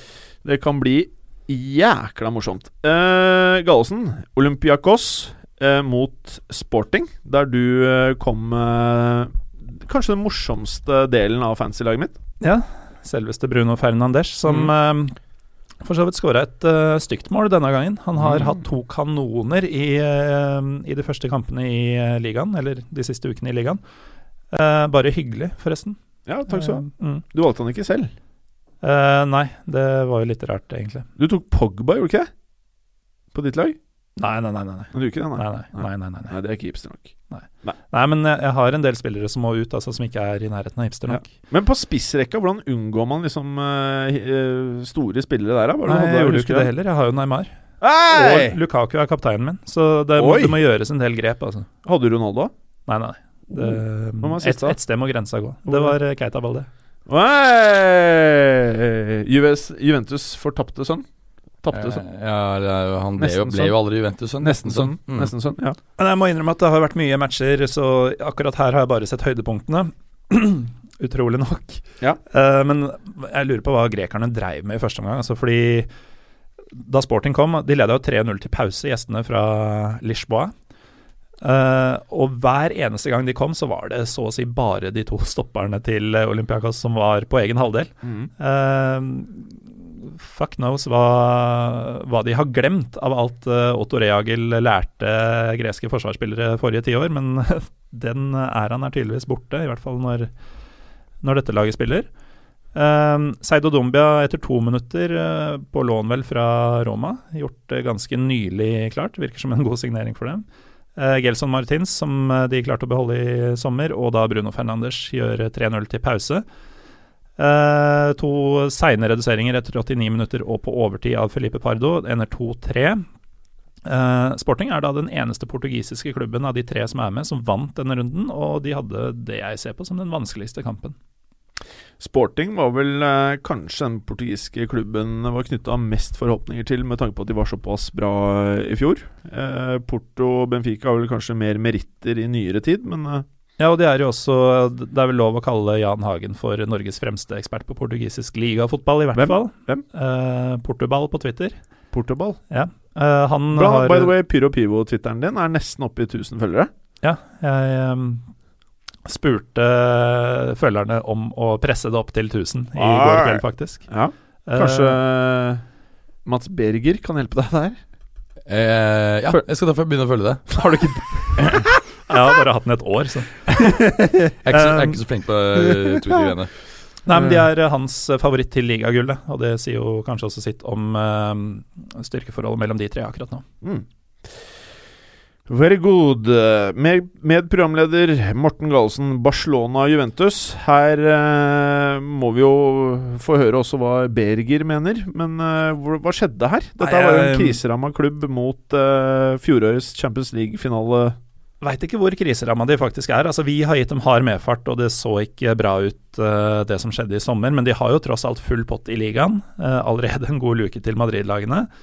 Uh, og i Valverdes første Champions League-match så vinner de altså 3-0 mot Juventus. Men vi må jo bare gi mikken til Berger. Hva, hva, hva skjedde her, da? Nei, altså jeg eh, Jeg, jeg hadde jo egentlig ikke Jeg hadde typisk forventet at de skulle bli most. eh, Hadde du det? Ja. Jeg, jeg, hadde, jeg hadde kanskje trodd de skulle score, men jeg hadde trodd de skulle Jeg har sett et par andre Barcelona-matcher før denne, og Messi virker jo i ekstremt god form og toppmotivert. Så eh, og, Men, men, men med Messi nå, Men- da. ja. Eh, eh, hvordan tror du han ser på situasjonen? Fordi han har jo ikke signert ny kontrakt. Eh, han mister en av verdens beste spillere eh, på laget. Eh, hvordan Og Iniesta har også sagt at det er ikke sikkert at jeg signerer ny kontrakt. I hvert fall det siste jeg leste. mm.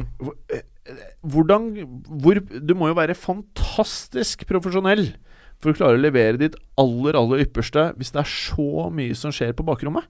Men eh, jeg er ikke Eller er det ikke så mye som det er- skjer? Det er ikke, jo, det gjør det jo. Det er jo mye som skjer på altså, Det har vært mye kritikk mot styret osv. Men, men ehm, det er ikke sikkert at det er så voldsomt dårlig eh, stemning i, i ehm, garderoben. Nei. Det er sikkert mange som er litt skuffet over at uh, Neymar gikk, men uh, det er jo fortsatt tross alt mange gode, um, gode spillere der. Så, Mhm. og uh, Messis mål her var jo fantastisk Fantastisk bra. Så um, all ære til Barcelona. For Juventus del så vil det fortsatt ta litt tid å, å justere seg til det at de tross alt har mistet to viktige forsvarsspillere, både Dan Alves og ikke minst Bonucci. Og uh, Høvedes, eh, som kom fra Schalke 04, er, eh, er ikke kampklar ennå, så eh, men, men jeg, ville bli, jeg bli mer overrasket i år enn jeg var i fjor, uh, hvis Juventus går helt til finalen i år. Det tror jeg ikke de gjør, selv om de eh, på, på papiret er klart eh, styrket både på midtbanen og offensivt. Det ser nå ut som om det er lagene fra litt lenger øst i landet som må eh, holde Italias ære i hevd i Europa. For eh, i tillegg til Milans 3-0-ledelse, så skåra akkurat Alejandro Gomez et fantastisk mål mot Everton, så Atalanta leder nå 2-0. Mm. Alejandro Gomez er jo en sånn veldig altså, ukjent for mange, men er jo en fantastisk god spiller. 29, vel. Mm. slo gjennom sent i karrieren, er fra Argentina. Kommer til å gå til Westham neste sommer, da, Ja, hvis han er 29 og Nei, han har tegnet akkurat ny kontrakt, så han i hvert fall har sagt han Ja, Det betyr lite i fotballen. Ja, det, det er sant, det. Men nei, det er interessant. Jeg så um, Var det, var det uh, Oppda eller noe sånt da som satte han på førsteplass i sin forventning hvem som kom til å ta flest Ut ifra en matematisk al al eh, algoritme, da. Uh, at de hadde forventninger at han skulle ha flest assist i Europa i år. Ut ifra prestasjoner, beve... Altså sånn, masse sånne ting som jeg Ja, jeg bare jeg hadde rent med at han var høyt, at han på en måte på en sånn liste vil eh, være den første å si, ukjente som man, eh, på den listen. At han kom øverst, det overrasker meg litt. Jeg er så misunnelig på alle de algoritmene og rapportene du har tilgang til. Ja, nei, jeg har, ikke, jeg har ikke tilgang til algoritmen, jeg har bare lest det. Eh, lest en artikkel om det. Men rapportene, de har du tilgang til. De har jeg tilgang til. Ja, ja. Det får du mye av. Eh, Barcelona og Juve eh, Gikk vi gjennom eh, resultatet her? Ja 3-0 til 3-0. eh, Barca. To uh, dobbel Messi og én Rakitic. Ja. Mm. Eh, men eh, en ting som Og det har vi jo vært innom, da. Eh, Apropos 3-0, nå er det 3-0 til Atalanta, og det var et nydelig angrep. Ja. Hvem skårte? Cristante. Brian, Brian Cristante. Det er han tidligere AC Milan-talentet som aldri slo ordentlig gjennom, som nå har knyttet veldig store forventninger til for noen år tilbake. Men forventninger har vi jo til en viss grad hatt i Everton, og man vil jo tro at uh, de ser på Europaligaen som sin største mulighet til å få Champions League neste år. Ja. Nå 0-3 i Bergamo etter 43 minutter. Og Det er veldig imponerende med tanke på at Atalanta, i motsetning til eh, Everton, som har lastet opp med spillere, så har jo eh, Atalanta mistet ekstremt mange spillere siste halvåret. Dere har veldig mye fokus nå på en annen europeisk turnering enn den vi egentlig skal sitte og prate om. Jeg har alltid det. Ja, det er veldig bra. Eh, jeg tenkte bare, hvis vi nå ser på forsvaret til Barcelona, da. eh, Mhm. Noe som Juve mm, av mange ble, ble betrakta for i fjor som det beste forsvaret i verden. Eh, hvis du ser nå på Barcelona, Omtiti har fått ett år til på baken. Mm. Eh, Jordi Alba eh, virket bedre enn på lenge. Eh, I hvert fall nå det jeg har sett han hittil i år. Eh, Ter Stegen har kommet enda mer inn i laget. Piquet er jo Piquet, en av verdens beste stoppere. Han har jo ups and downs, men nå er, føles det ut som han er tilbake. Og Semedo begynner nå å ta denne høyreback-posisjonen og gjøre det til sin egen. Ja. Er vi i ferd med, mot alle odds her, å se eh, antydningene, konturene, til et av verdens beste forsvar i det kriserammede Barcelona? Ja, eh, men det er en, et annet element her også. Altså for det første så Vi snakket jo i fjor høst om at Umtiti hadde skuffet, men at han kom seg godt utover året. Så er det et annet element. Jeg syns at Busquets, etter et par år hvor han ikke har vært like god som vi er vant til, så ser han kanskje egentlig litt, litt bedre ut. Ja. Og det er klart at Da har du plutselig eh, veldig bra eh, Også, defensivt sammensatt lag. Og så har du gjort storsigneringen Paulinho, som er eh, backupen. Ja, jeg var jo øh, Jeg er jo blant de som faktisk da Jeg vet at det høres sjukt ut, men jeg var mindre negativ til det enn mange andre. Fordi at jeg mente at øh, det han tilfører, altså da i løpskraft, duellstyrke osv., det kan være bra. Og det gir øh, Valverde flere strenger å spille på. Ja. Så jeg, øh, jeg mener at det ikke er riktig. Du kan du gjerne le, le av det. Men, men han, han har vært veldig god for landslaget i hele perioden hvor han har, øh, var dårlig i, i Tottenham og har spilt i Kina osv. Ja. Og det at han har vært god for landslaget, viser at han holder i hvert fall et visst nivå. Ja, ja. Uh, og han er vel ikke ment at han Han skal inn på Barcelona, da. men, men jeg synes jo det Altså, er de, de fikk ikke inn Verratti, så henta de Paulinho. Ja, jeg synes det er jo veldig Det er jo ikke akkurat like for like, for å si Det det sånn. Eh, det er jo og, og prisen eh, er spinnvill. Eh, men jeg må jo anta at de kanskje har prøvd å få skaffe Matuidi, eh, men at på grunn Altså, bare det, Ja, ikke sant. Det er halv pris, på en måte. og en bedre spiller. Ja, mye bedre spiller. Ja. Og, og samme alder. 29-30 begge to. Nei, så den er, den er rar. Ja, den Det er er- veldig ja. sånn, eh, hva skal vi si, Manchester City, PSG Men jeg, jeg tror kanskje han sjefen i Barcelona så at i navnet så står det en N og en H og en O.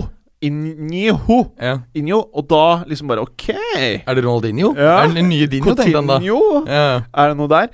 Ehm, noe mer du vil si om det oppgjøret? Skal vi gå videre? Kan gå videre. Ja. Eh, Liverpool Sevilla. Ja, det er to lag som spilte sammen. Ja, To- og det, det er jo på papiret et oppgjør som De lagene, vi prata jo om det også, de føles ganske like. Det er liksom litt lik situasjon, eller Typisk to lag som vil spille uavgjort hvis de møtes. Ja, og nå stjal jeg faktisk eh, noe fra den nye podkasten til Moderne Medier, La Liga Loca, som er med Petter Wæland, Jonas Jæver og Magnar Kvalvik, eh, som bare prater om spansk fotball. Er Ganske greit utvalg folk til å prate om spansk fotball. Ja, man skulle tro det. Og der satt jeg litt på, på utsida av studio når de spilte inn og fikk med meg eh, bruddstykker, og det var der jeg stjal dette fra. Det, jeg stjal, det er sant, det. Jeg stjal det her nå. Mm. Eh, og de sa at det var veldig sånn like lag, profilmessig, størrelsesmessig, eh, og det føles litt likt også i sånn spillermateriell, kanskje. Jeg tror mange Liverpool-fans sikkert eh, blir forbanna av å høre det. Ja, Men Sevilla er ikke noen dårlig klubb. De vant Nei. jo Hvor mange år på rad var de vant til. Europacupen? da? Tre. Tre. Tre år! Ja, men Når er det noen annen klubb har gjort det, da? Nei, nei, det er riktig, men Ja. historisk så nei, da, da må du, ja, Der må du vel tilbake. Benfica vant de tre år på rad Europacup på 70-tallet. Da Kan må du helt tilbake til, eh, Da må du trykke på den appen som er sånn G på igjen. Vant ikke Atletico Madrid uh, Europaligaen et par år på rad? Eh, Det var bare to, kanskje. tror jeg vant bare to år på rad. Mye deilig bro science her. Ja. Men, men eh, Nei, altså jeg, jeg, er ikke, jeg er ikke enig i det. Fordi at globalt sett så har jo Liverpool en helt annen tilhengerskare. Eh, og de har også en helt annen eh, posisjon i sin liga. Tross alt eh, vunnet en, opp, eller en 18 ligagull. 19? 18? Det er i Og i sin by. eh, det er vel Betis som faktisk er den største klubben. eh, mest meritterte klubben i Sevilla. Ja, det er, det er mulig. Det er mulig. Men, men øh, Og i motsetning til Liverpool, så er jo Sevilla veldig god til å kjøpe, eller har vært veldig god til å kjøpe rimelige spillere og få det opp. Liverpool har jo ikke vært like god på alle spillerkjøpene sine de siste ti årene. Nei, det er stort sett uh, Andy Carroll som er solskinnshistorien, og så er resten dritt. Jo, men det var jo sånn som han Lazar Markovic endte jo heller ikke opp å bli det man hadde trodd. Men det er klart at nå under Klopp er det vært bedring både med Mané og, og Salah-kjøpet, Firmino også. Så um, Med tanke på de gangene vi får hissige tweets, så er det ofte United og Liverpool-supportere Ja. som er sinte for at eh, Eller ikke Altså, hører du på fotballuka og du blir kjent med oss, så skjønner du jo at eh, alle får jo litt medgang her. altså, Uansett hvilken klubb det er. Ja. Så det er ikke noe vits å være forbanna på vårs. Vi bare caller det sånn som det er. jeg, jeg, jeg, Deal with it! Jeg er enig i at uh, dette er to klubber som nivåmessig ikke er nødvendigvis er så langt fra hverandre, men profilmessig så mener jeg at det er feil. Og Ja. historisk er det også feil. Men uh, dette ble jo 2-2. Uh, Liverpool dominerte jo kraftig, fikk likevel et, mot, et mål mot seg, og det etter fem minutter ved Ben Yedder. Uh, Og han, han, uh, han scorer, han. han gjør det. Uh, vi likte jo han litt i fjor også. Ja. Syns han er en kul spiller, så absolutt. Firmino utligner etter 21 minutter. Hva, hva sa du? Fi, Firmino. Firm, bra. Og For det er noen som sier Firminio. Ja, Det er litt provoserende. Det Ja, er, det er det er feil. altså. Ja, det er litt det provoserende. Det er ikke noen, uh, det er ikke noen uh, Det er H ikke noen der. H der, vet du. Nei. Det er derfor han ikke er i Barca. Nei, det er riktig. det er Det sånn er uh, heller ikke den der jalapeño-krøllen som de bruker i Spania. Altså, uh, eh, eh, Apropos Firmino, nå- skal vi jo ikke terge på oss Liverpool-supportere her, men det har jo vært snakk om at Perez, uh, Real Madrid-presidenten altså, ønsker å shake up angrepet litt og kanskje selge, um, selge Benzema. Det er jo 30 hvert øyeblikk, og han vet jo at skal han få disse 60, 70, 80, 90, 100 euroene av Arsenal, så må han gjøre det i år. og da tenker jeg på hvil, ja, hvilken spiss i verden ville vært mer passende i den rollen der, for, som er oppofrende som faen. Ja, det Firmino ville vært fantastisk med Åh. i, der. Som Real Madrid-supporter, jeg vil virkelig ikke ha han Hvis jeg kunne valgt Jeg er ikke keen på Firmino.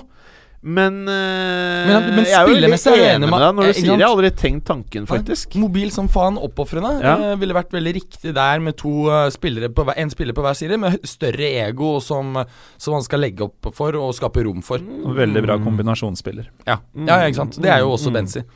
Så Ja, dumt, eh. Firmino skårer, Salah skårer deretter i 37. Så bommer jo Firmino på en straffe eh, rett før pause, var vel det? Skal, skal jeg fortelle deg hvilken spiss jeg hadde ønsket i Real Madrid skulle valgt hvem som helst i hele verden?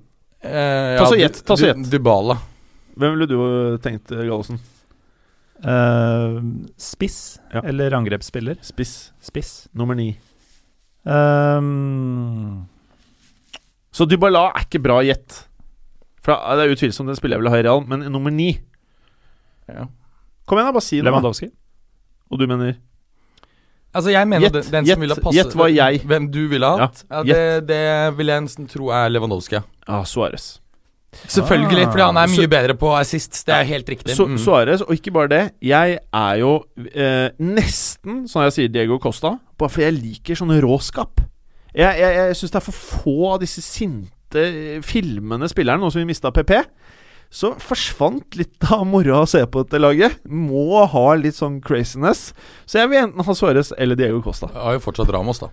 Jo, men det er en annen type greie. Han er hard, og så mister han huet litt eh, når han blir sint. Ja. Eh, mens PP, der skjedde det jo sjuke ting. Ja, der gjorde han mye mer. Han gjorde jo sånn systematisk asshole-ting. Jeg vet ikke, men Han altså, er jo gal! Han ser for meg sånn som eh, sparte til skikkelig lang, lange negler, og så, så skal han, han takla noen knallhardt, og så «Eh, 'Jeg skal hjelpe deg opp!' Og så bare stikker han bare de inn, ah, så det skriker. Og han skal vel- spille mot Fenerbahçe i år, han. Ja, men det, hvem, det blir gøy for meg. hvem var det? Var det en italiensk stopper? Eh, var det Marco Tardelli eller noe sånt som var kjent for det? Materazzi, han var slem. Ja, han slem. og PP sammen i midtforsvaret. Å, fy faen. Med Vinnie Jones som anker foran. Diego Coersta på toppen. Tenk deg garderoben her, da. Det må jo være Hvis du får inn en sånn uh, Dybala-spiller eller en sånn Draxler-fyr, sånn uh, spe Litt sånn skjør, forsiktig. Ja. Ja. Jeg tror de får uh, veggimellom da. Ja, videre til uh, Vi skal, nei, vi var ikke ferdige, da, men det, Ja. det, og så um, Firmino til Real var det siste vi prata om. Ja, og så um, Nei, siste du sa, var at Firmino bommet på straffe. Så um, Liverpool-kampen gikk da til uh, pause med Liverpool i ledelsen uh, 2-1. Total kontroll. Uh, hadde massevis av sjanser. Um, så skårer uh, Joaquin Correa i 72. minutt, og det ender 2-2 mot på en måte uh, Ja, altså Liverpool jeg tror jeg hadde 20 målsjanser mot, uh, mot bare 2-3 for, uh, for Sevilla. Så det er jo et ran sett fra Liverpools uh, ståsted. Jeg tror likevel Liverpool skal uh, greie å gå videre fra denne gruppen, altså, men uh, ikke en god start for Liverpool. Folkens, vi slang ut en liten poll på Fotballuka sin Twitter denne uka her, faktisk en dag siden, hvor det ble skrevet Beste angrepsrekka i verden tilhører alternativ A PSG, B Real Madrid, C Barcelona og uh, D et annet lag. Eh, og på mange måter, når man går gjennom angrepsrekka til Liverpool eh, Jeg synes ikke at det er helt far off å si at eh, hvis man har lagd en topp ti alternativsliste, så hadde jeg satt opp Liverpool der. Topp ti angrepsrekker? Ja. definitivt. Ja, Eh, Topp sju òg. ja. Fordi det er ganske fint det de får til på gode dager der fremme, altså. Mm. Og det blir veldig spennende når, eh, når Coutinho på et eller annet tidspunkt ikke har vondt i ryggen lenger. Eh, og eh, jeg mener, han, skal jo, han, han kan jo ikke bare sitte på benken og kødde, Fordi at, jeg mener, vi har et VM som kommer opp her. Eh, og eh, selv om han helt sikkert, eh, hvis Barcelona fortsatt er interessert, så går han sikkert til sommeren. Så, så jeg tipper at eh, da kan det bli fantastisk når han mater disse gutta foran der. Ja.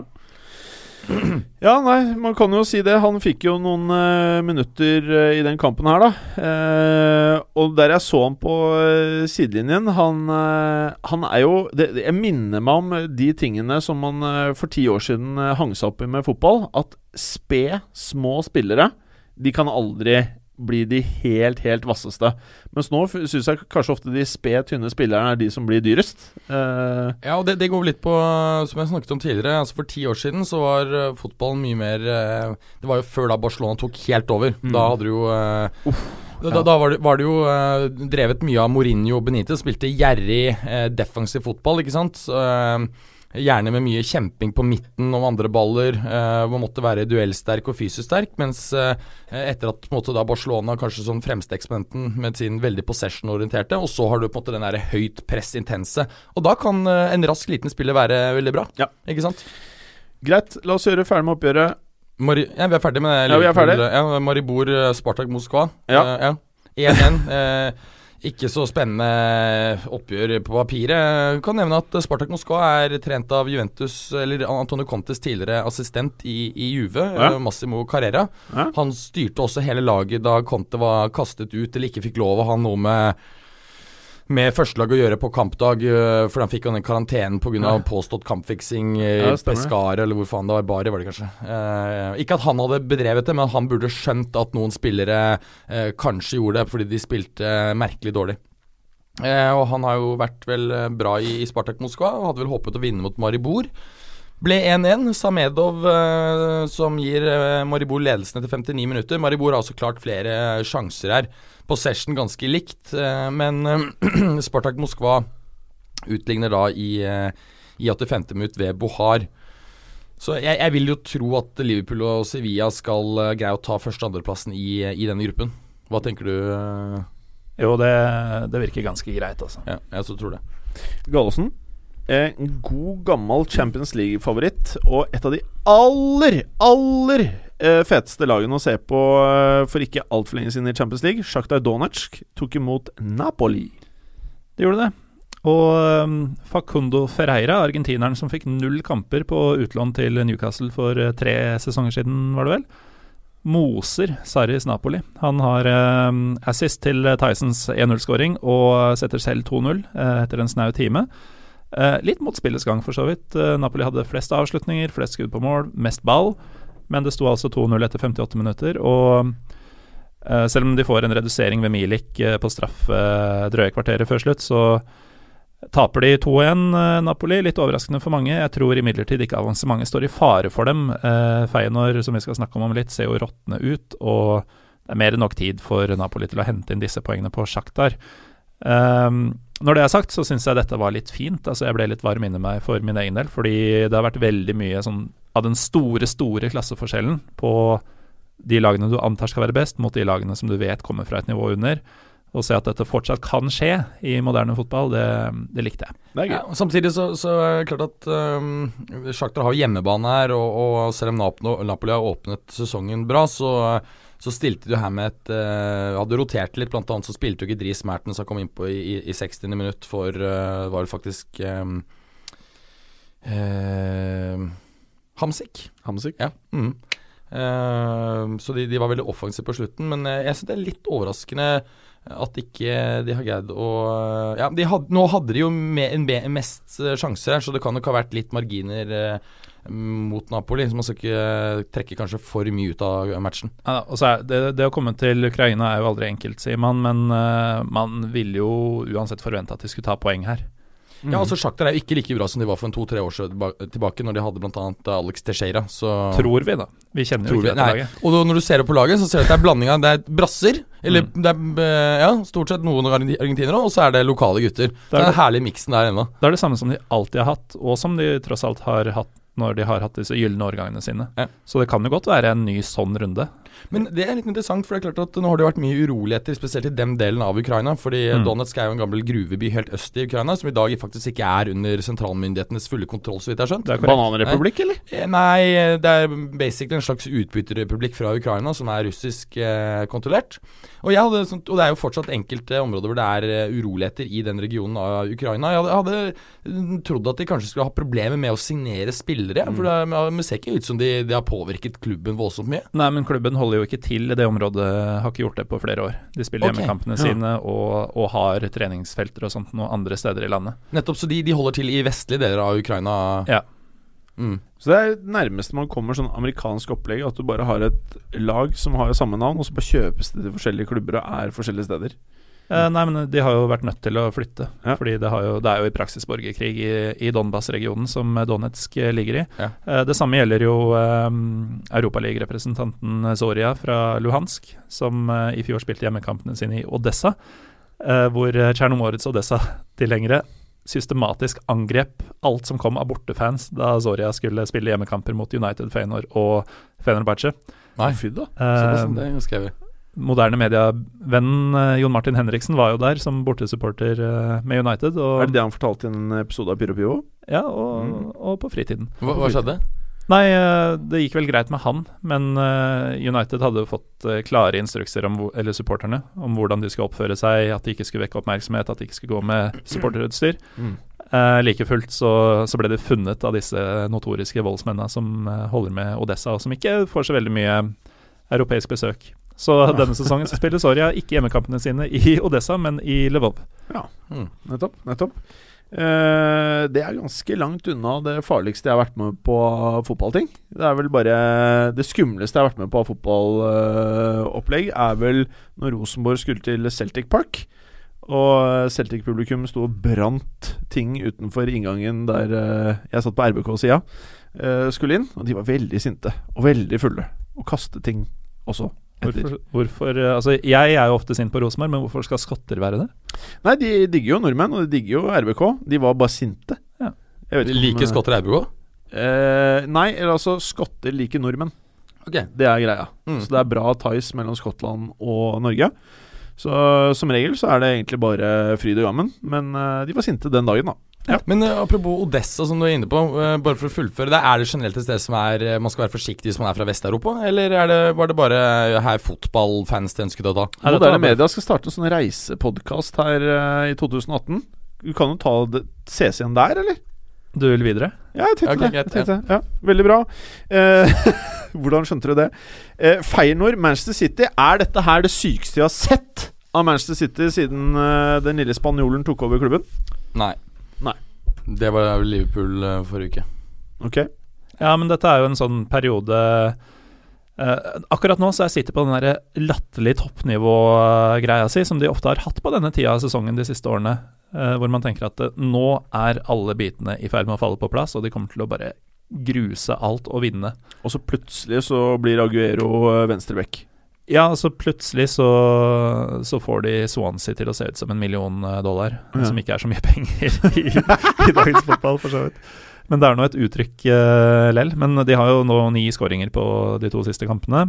Men det som er mest interessante her, er vel det at de endelig har funnet ut uh, hvor John Stones burde spille. Og det er, det er jo ikke Det er ikke midtstopper, han burde være spiss.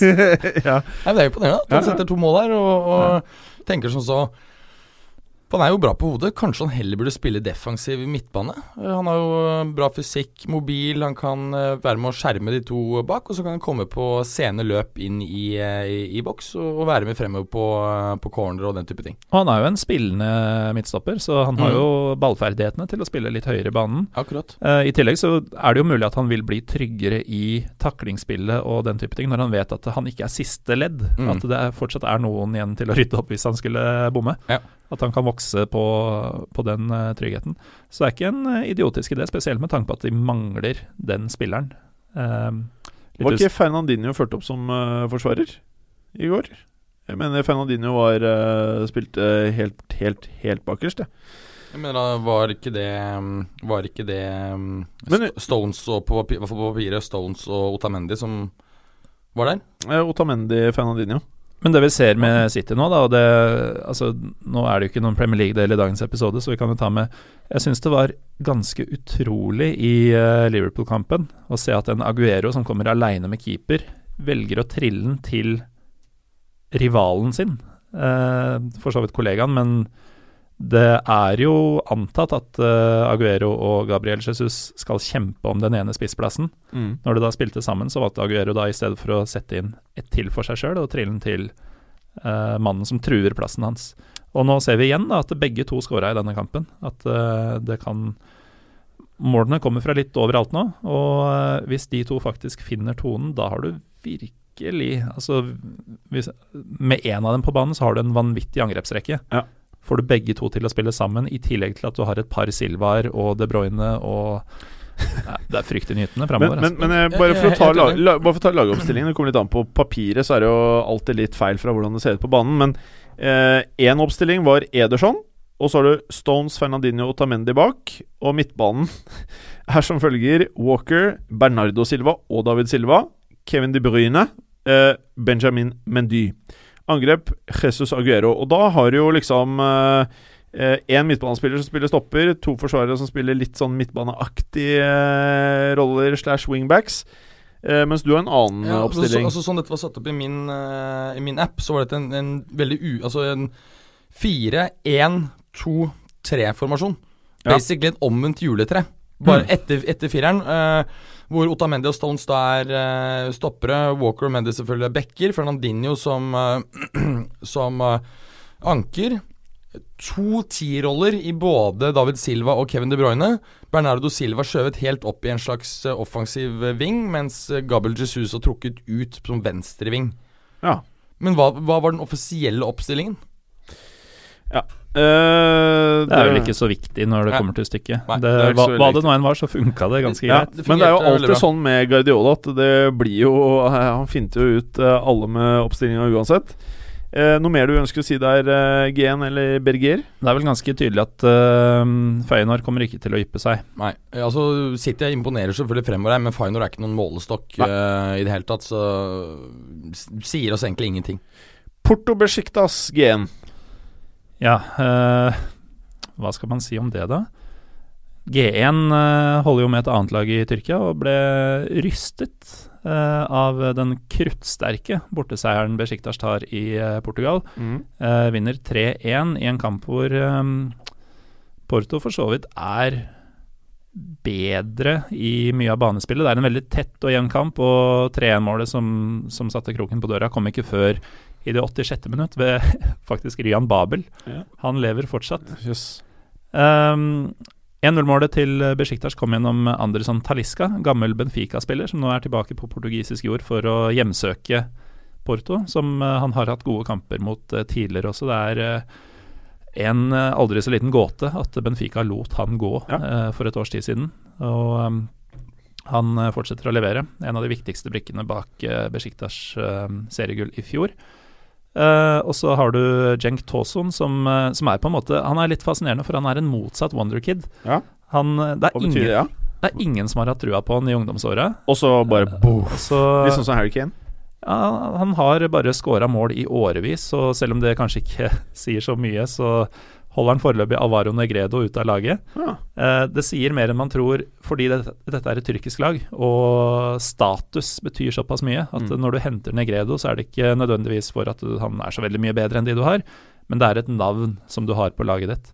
Um, ikke uøfne tre mål på seks Champions League-kamper i karrieren på Cenk eh, så langt, og han eh, er i god form. Kan fort bli flere i en gruppe som eh, har et par potensielt gavmilde forsvar å spille mot. Mm.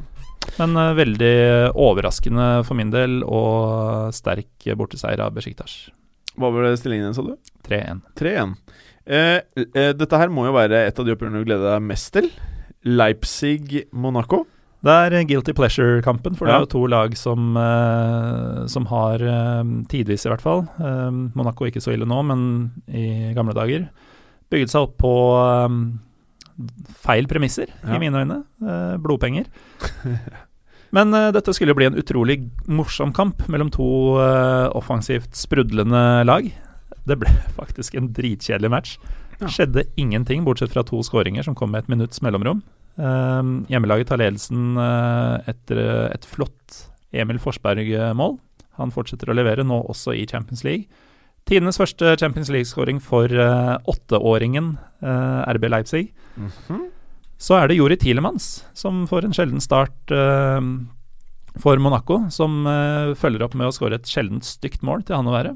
Han eh, dytter den inn eh, via det ene og det andre fra klosshold minuttet etter at eh, Forsberg har gitt eh, Leipzig ledelsen. Det ender 1-1, og som sagt, kjedelig kamp. Det skjer lite. Det er tett, det er få skudd, enda færre sjanser. 1-1 kanskje et uh, passe greit resultat for begge, egentlig. Selv om Besjiktas vant overraskende, så uh, tror jeg ikke de skal være det laget de skal konkurrere med. Det er vel heller en gavepakke at Porto gikk på et hjemmetap. Eh, en kamp, uh, Berger, som kanskje indikerte I hvert fall i medier skal man ta tak i det de skriver. Er dette her Tottenham-Dortmund-kampen den kampen som gjorde at Harry Kane Er dette her den matchen som vi hadde med Bale, når han trakasserte Inter, og alle bare Ok, dette her er en spiller for de store internasjonale anledninger også, hvor Harry Kane faktisk da putta inn. Altså, eh, mulig. Det vet vi jo ikke før etter, eh, ettertid. Jeg må innrømme at eh, de matchene som eh, du nevner tilbake da Bale liksom virkelig slo gjennom i Champions League, så, så eh, er vel fortsatt eh, si, mer, mer imponert over det han gjorde da. Eh, men eh, Kane tar jo stadig nye steg, ser det ut som. Jeg tror at det er bare spørsmål om tid før han er eh, topp tre, eh, topp tre spiss i verden i forhold til hvor komplett han er. Og så er det også interessant det at Igjen så slet han voldsomt med Eller skåret da ikke i august. Så med en gang går inn i september, så bare flommer det. det, er, er, eh, det er jo egentlig ikke veldig problematisk, Fordi du vil heller ha en spiller som blir bedre og bedre utover sesongen, enn uh, vice versa. Men uh, Tottenham vinner jo her imponerende nok 3-1. Sånn hadde du dette flotte raidet her bare etter var det tre-fire minutter, og, og, og åpne ballet før uh, nysigneringen Andrej Jarmolenko, som vi har snakket om tror jeg, i flere år, at det er kjempespennende, og, og var jo god i, i Dynamo Kiev i flere år. Uh, har uh, en utligning uh, etter bare 11 minutter. Her skjer jo veldig mye tidlig. Kane med sitt første mål til 15, og setter jo spikeren i kista etter 60. Og um, Aldeles nydelig den 2-1-skåringa. Altså. Ja. For det, det, ser egentlig ikke så farlig ut. Og så tar han det ene skrittet til sida, og så er det akkurat helt inne ved stolpen. Det syns ikke så tydelig fordi den skrur inn i midten i nettmaskene, men akkurat der ballen går inn, det er så det her sniper uh, Ja, nei, fantast, fantastisk uh, skudd. Um, det blir også litt, uh, litt spennende å se, fordi Kane har vel selv sagt at han har opprinnelig sett på seg selv som mer enn tier. og da se om det kan bli et interessant samspill her med, med Jorente, det, eller han og Jorente og Delalle. Det, det, blir spennende å se utover. Men det er også imponerende å se her at Dortmund Du, han er i Kanes. Ja? Hvis, hvis, vi nå skulle bare dratt frem denne store fotballuka, krystallkulen mm. Hvor han er, går, hvis han skal gå et sted? Er, er ser dere noen mulighet ja. for at han ikke oh, ja. blir Real Madrid-spiller? Ja. ja. det er jo mulig at han ikke blir det, men jeg tror det er veldig stor sjanse for at det er Kane Perez vil hente hvis han skal selge, selge Benzi. Men vi skal huske to ting. Og det er at Kane er engelsk. Det har de ikke hatt all verdens suksess med i eh, Real Madrid. Ikke vært så dårlig. Både Beckham var jo en suksess. Ja, og men, Steve og, McManaman kom jo på free transfer og var bra. Men han derre Woodgate Og ja, men, Owen var heller ikke helt fantastisk. Men, ja, men, men, men det, det, har vært vekslende hell, da. Og Owen var dritbra, det lille han fikk lov til å spille. Han var det. Altså, han var, I forhold til han kom gratis, ble solgt mm. dyrt, var bra på de minuttene han fikk spille, så det er egentlig bare ja. Hva het han stopperen igjen, som var det? Woodgate. Woodgate ja. Mm, han var jo skada hele tiden. Ja, det var jo helt jævlig. Jeg husker på uh, Men Beck Beckham Du vet, eh, jeg så uh, Real Madrid Deportivo på Santiago Bernabeu. Beckham var by far banens beste, men du må huske på at dette var Dette var når Real var på vei ned første mm. Galactico-æraen, mm. hvor eh, du liksom så gutta bare sto og så på hverandre, og Ronaldo løp ikke, og det var, det var sorgens. Det var og Beckham var den ultimate profesjonelle fotballspilleren, ja. som uansett hvor slappe alle var, så ga han jernet. Men ja, hva er det du sier at uh, engelskmenn, det er ikke en selvfølge at uh, Nei, altså, jeg er ikke like imponert over verken McManaman eller Owens tid i Real Madrid som det dere er, men uh, det får være så.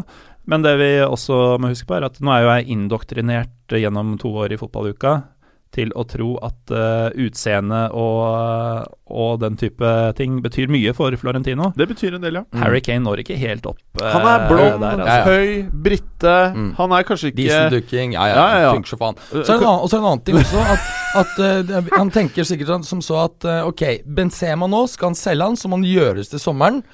Bale blir buet litt på, bla, bla, bla. Han vil beholde Bale. Jeg... Beholder han Bale ett år til, ja. så kan han nemlig bruke Bale som lokkematt til å få Kane. ja. Og så selger han, øh, selger han Bale for en kjempesum om to år til, øh, til United. Ja. Det eneste er at jeg tror Zidane og Benzema har et veldig godt forhold.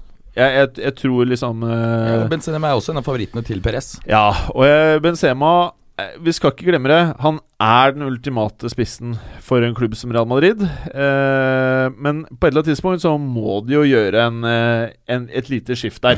ja, og så er det en annen ting. Altså, Real Madrid har jo bygget en del av sin profil de siste 10-15-20 årene på at de på skal kjø ha noen som megastjerner. Nå er det er det fire år siden de gjorde et sånt ordentlig stort stjernekjøp? Nei, tre. Hames gjorde det jo. Så ja. tre år siden. Ja, tre år. Det begynner på, tide da neste år. De har jævlig god økonomi, for å si det sånn. Ja, ja. Det, altså, det er jo, de kunne, de kunne lett ha dratt ut eh, Mbappé på 100, 180 mil. Ja, ja, ja. Men forskjellen her er jo at nå har du Ascencio, eh, som kommer innenfor indre rekker. Og så har du en annen. Hvem er det, da? Det Han heter Neymar, så han skal antagelig komme når han ikke har vunnet Champions League med Ikke sant? Og Neymar senere skjønner at kan, kan, jeg få enda 400 millioner til hvis vi flytter tilbake til Spania? Ikke sant? Så det, er eh, Du vet jo, han sitter Nå spurte vi selvfølgelig helt av, men jo, det her men altså, er jo, jo men altså, Det virker som på en måte eh, Real Madrid har, som, har, en litt annen profil enn tidligere, hvor de skal bygge opp med litt unge spillere osv., men du trenger noen poster boys, eh, noen virkelige stjerner. Men det er så mange av de allerede. Det Ja er så mye, liksom Ja. Eh, Når vi er inne på up and coming eh, spisser, så kan jeg nevne at André Silva har fullført sitt hat trick i oh, Europaligaen eh, Ja, kult. mot Austria Wien. ja det er gøy, altså. Mm. Det er bra for Italia, det er bra for AC Milan, og det er fett for Portugal. Og selvfølgelig for André Silva. Ja. Eh, noe mer om dette oppgjøret som jeg og Berger bare skeia helt ut med Harry Kane til Real? Dortmund dominerte dominerte possession her, altså, så Så må vi jo ta med De fikk jo to skåringer annullert for, for offside. Det ble hevda at begge er feilaktige. Jeg syns den første er riktig. Jeg syns han eh, er så eh, forstyrrende i det første trekket der at det er riktig å vinke den av. Men eh, det som skulle vært 2-2-skåringa til Aubameyang, for øvrig enda en nydelig eh, skåring, eh, som dessverre ikke ble tellende, absurd avvinking. Og like etterpå kommer jo denne straffen til 3-1, Ja, så det blir jo faktisk matchavgjørende. mm. Synd. Og, Men Spurs har jo- straffen? Så du det? Nei. Nei? Har du lyst til å si det? Dere har jo allerede sagt det, da. Men uh, for de som har glemt, så var det Harold Kane. Eller han heter faktisk ikke Harold, han heter Harry. Han heter Harry. Eh, hvordan vil du si at Dortmund ser ut uten Dembélé? Eh, offensivt syns jeg det ser uh, bra ut. Um, de hadde De var bra framover, og har vært bra framover så langt i sesongen, men forsvaret i denne matchen var hårreisende.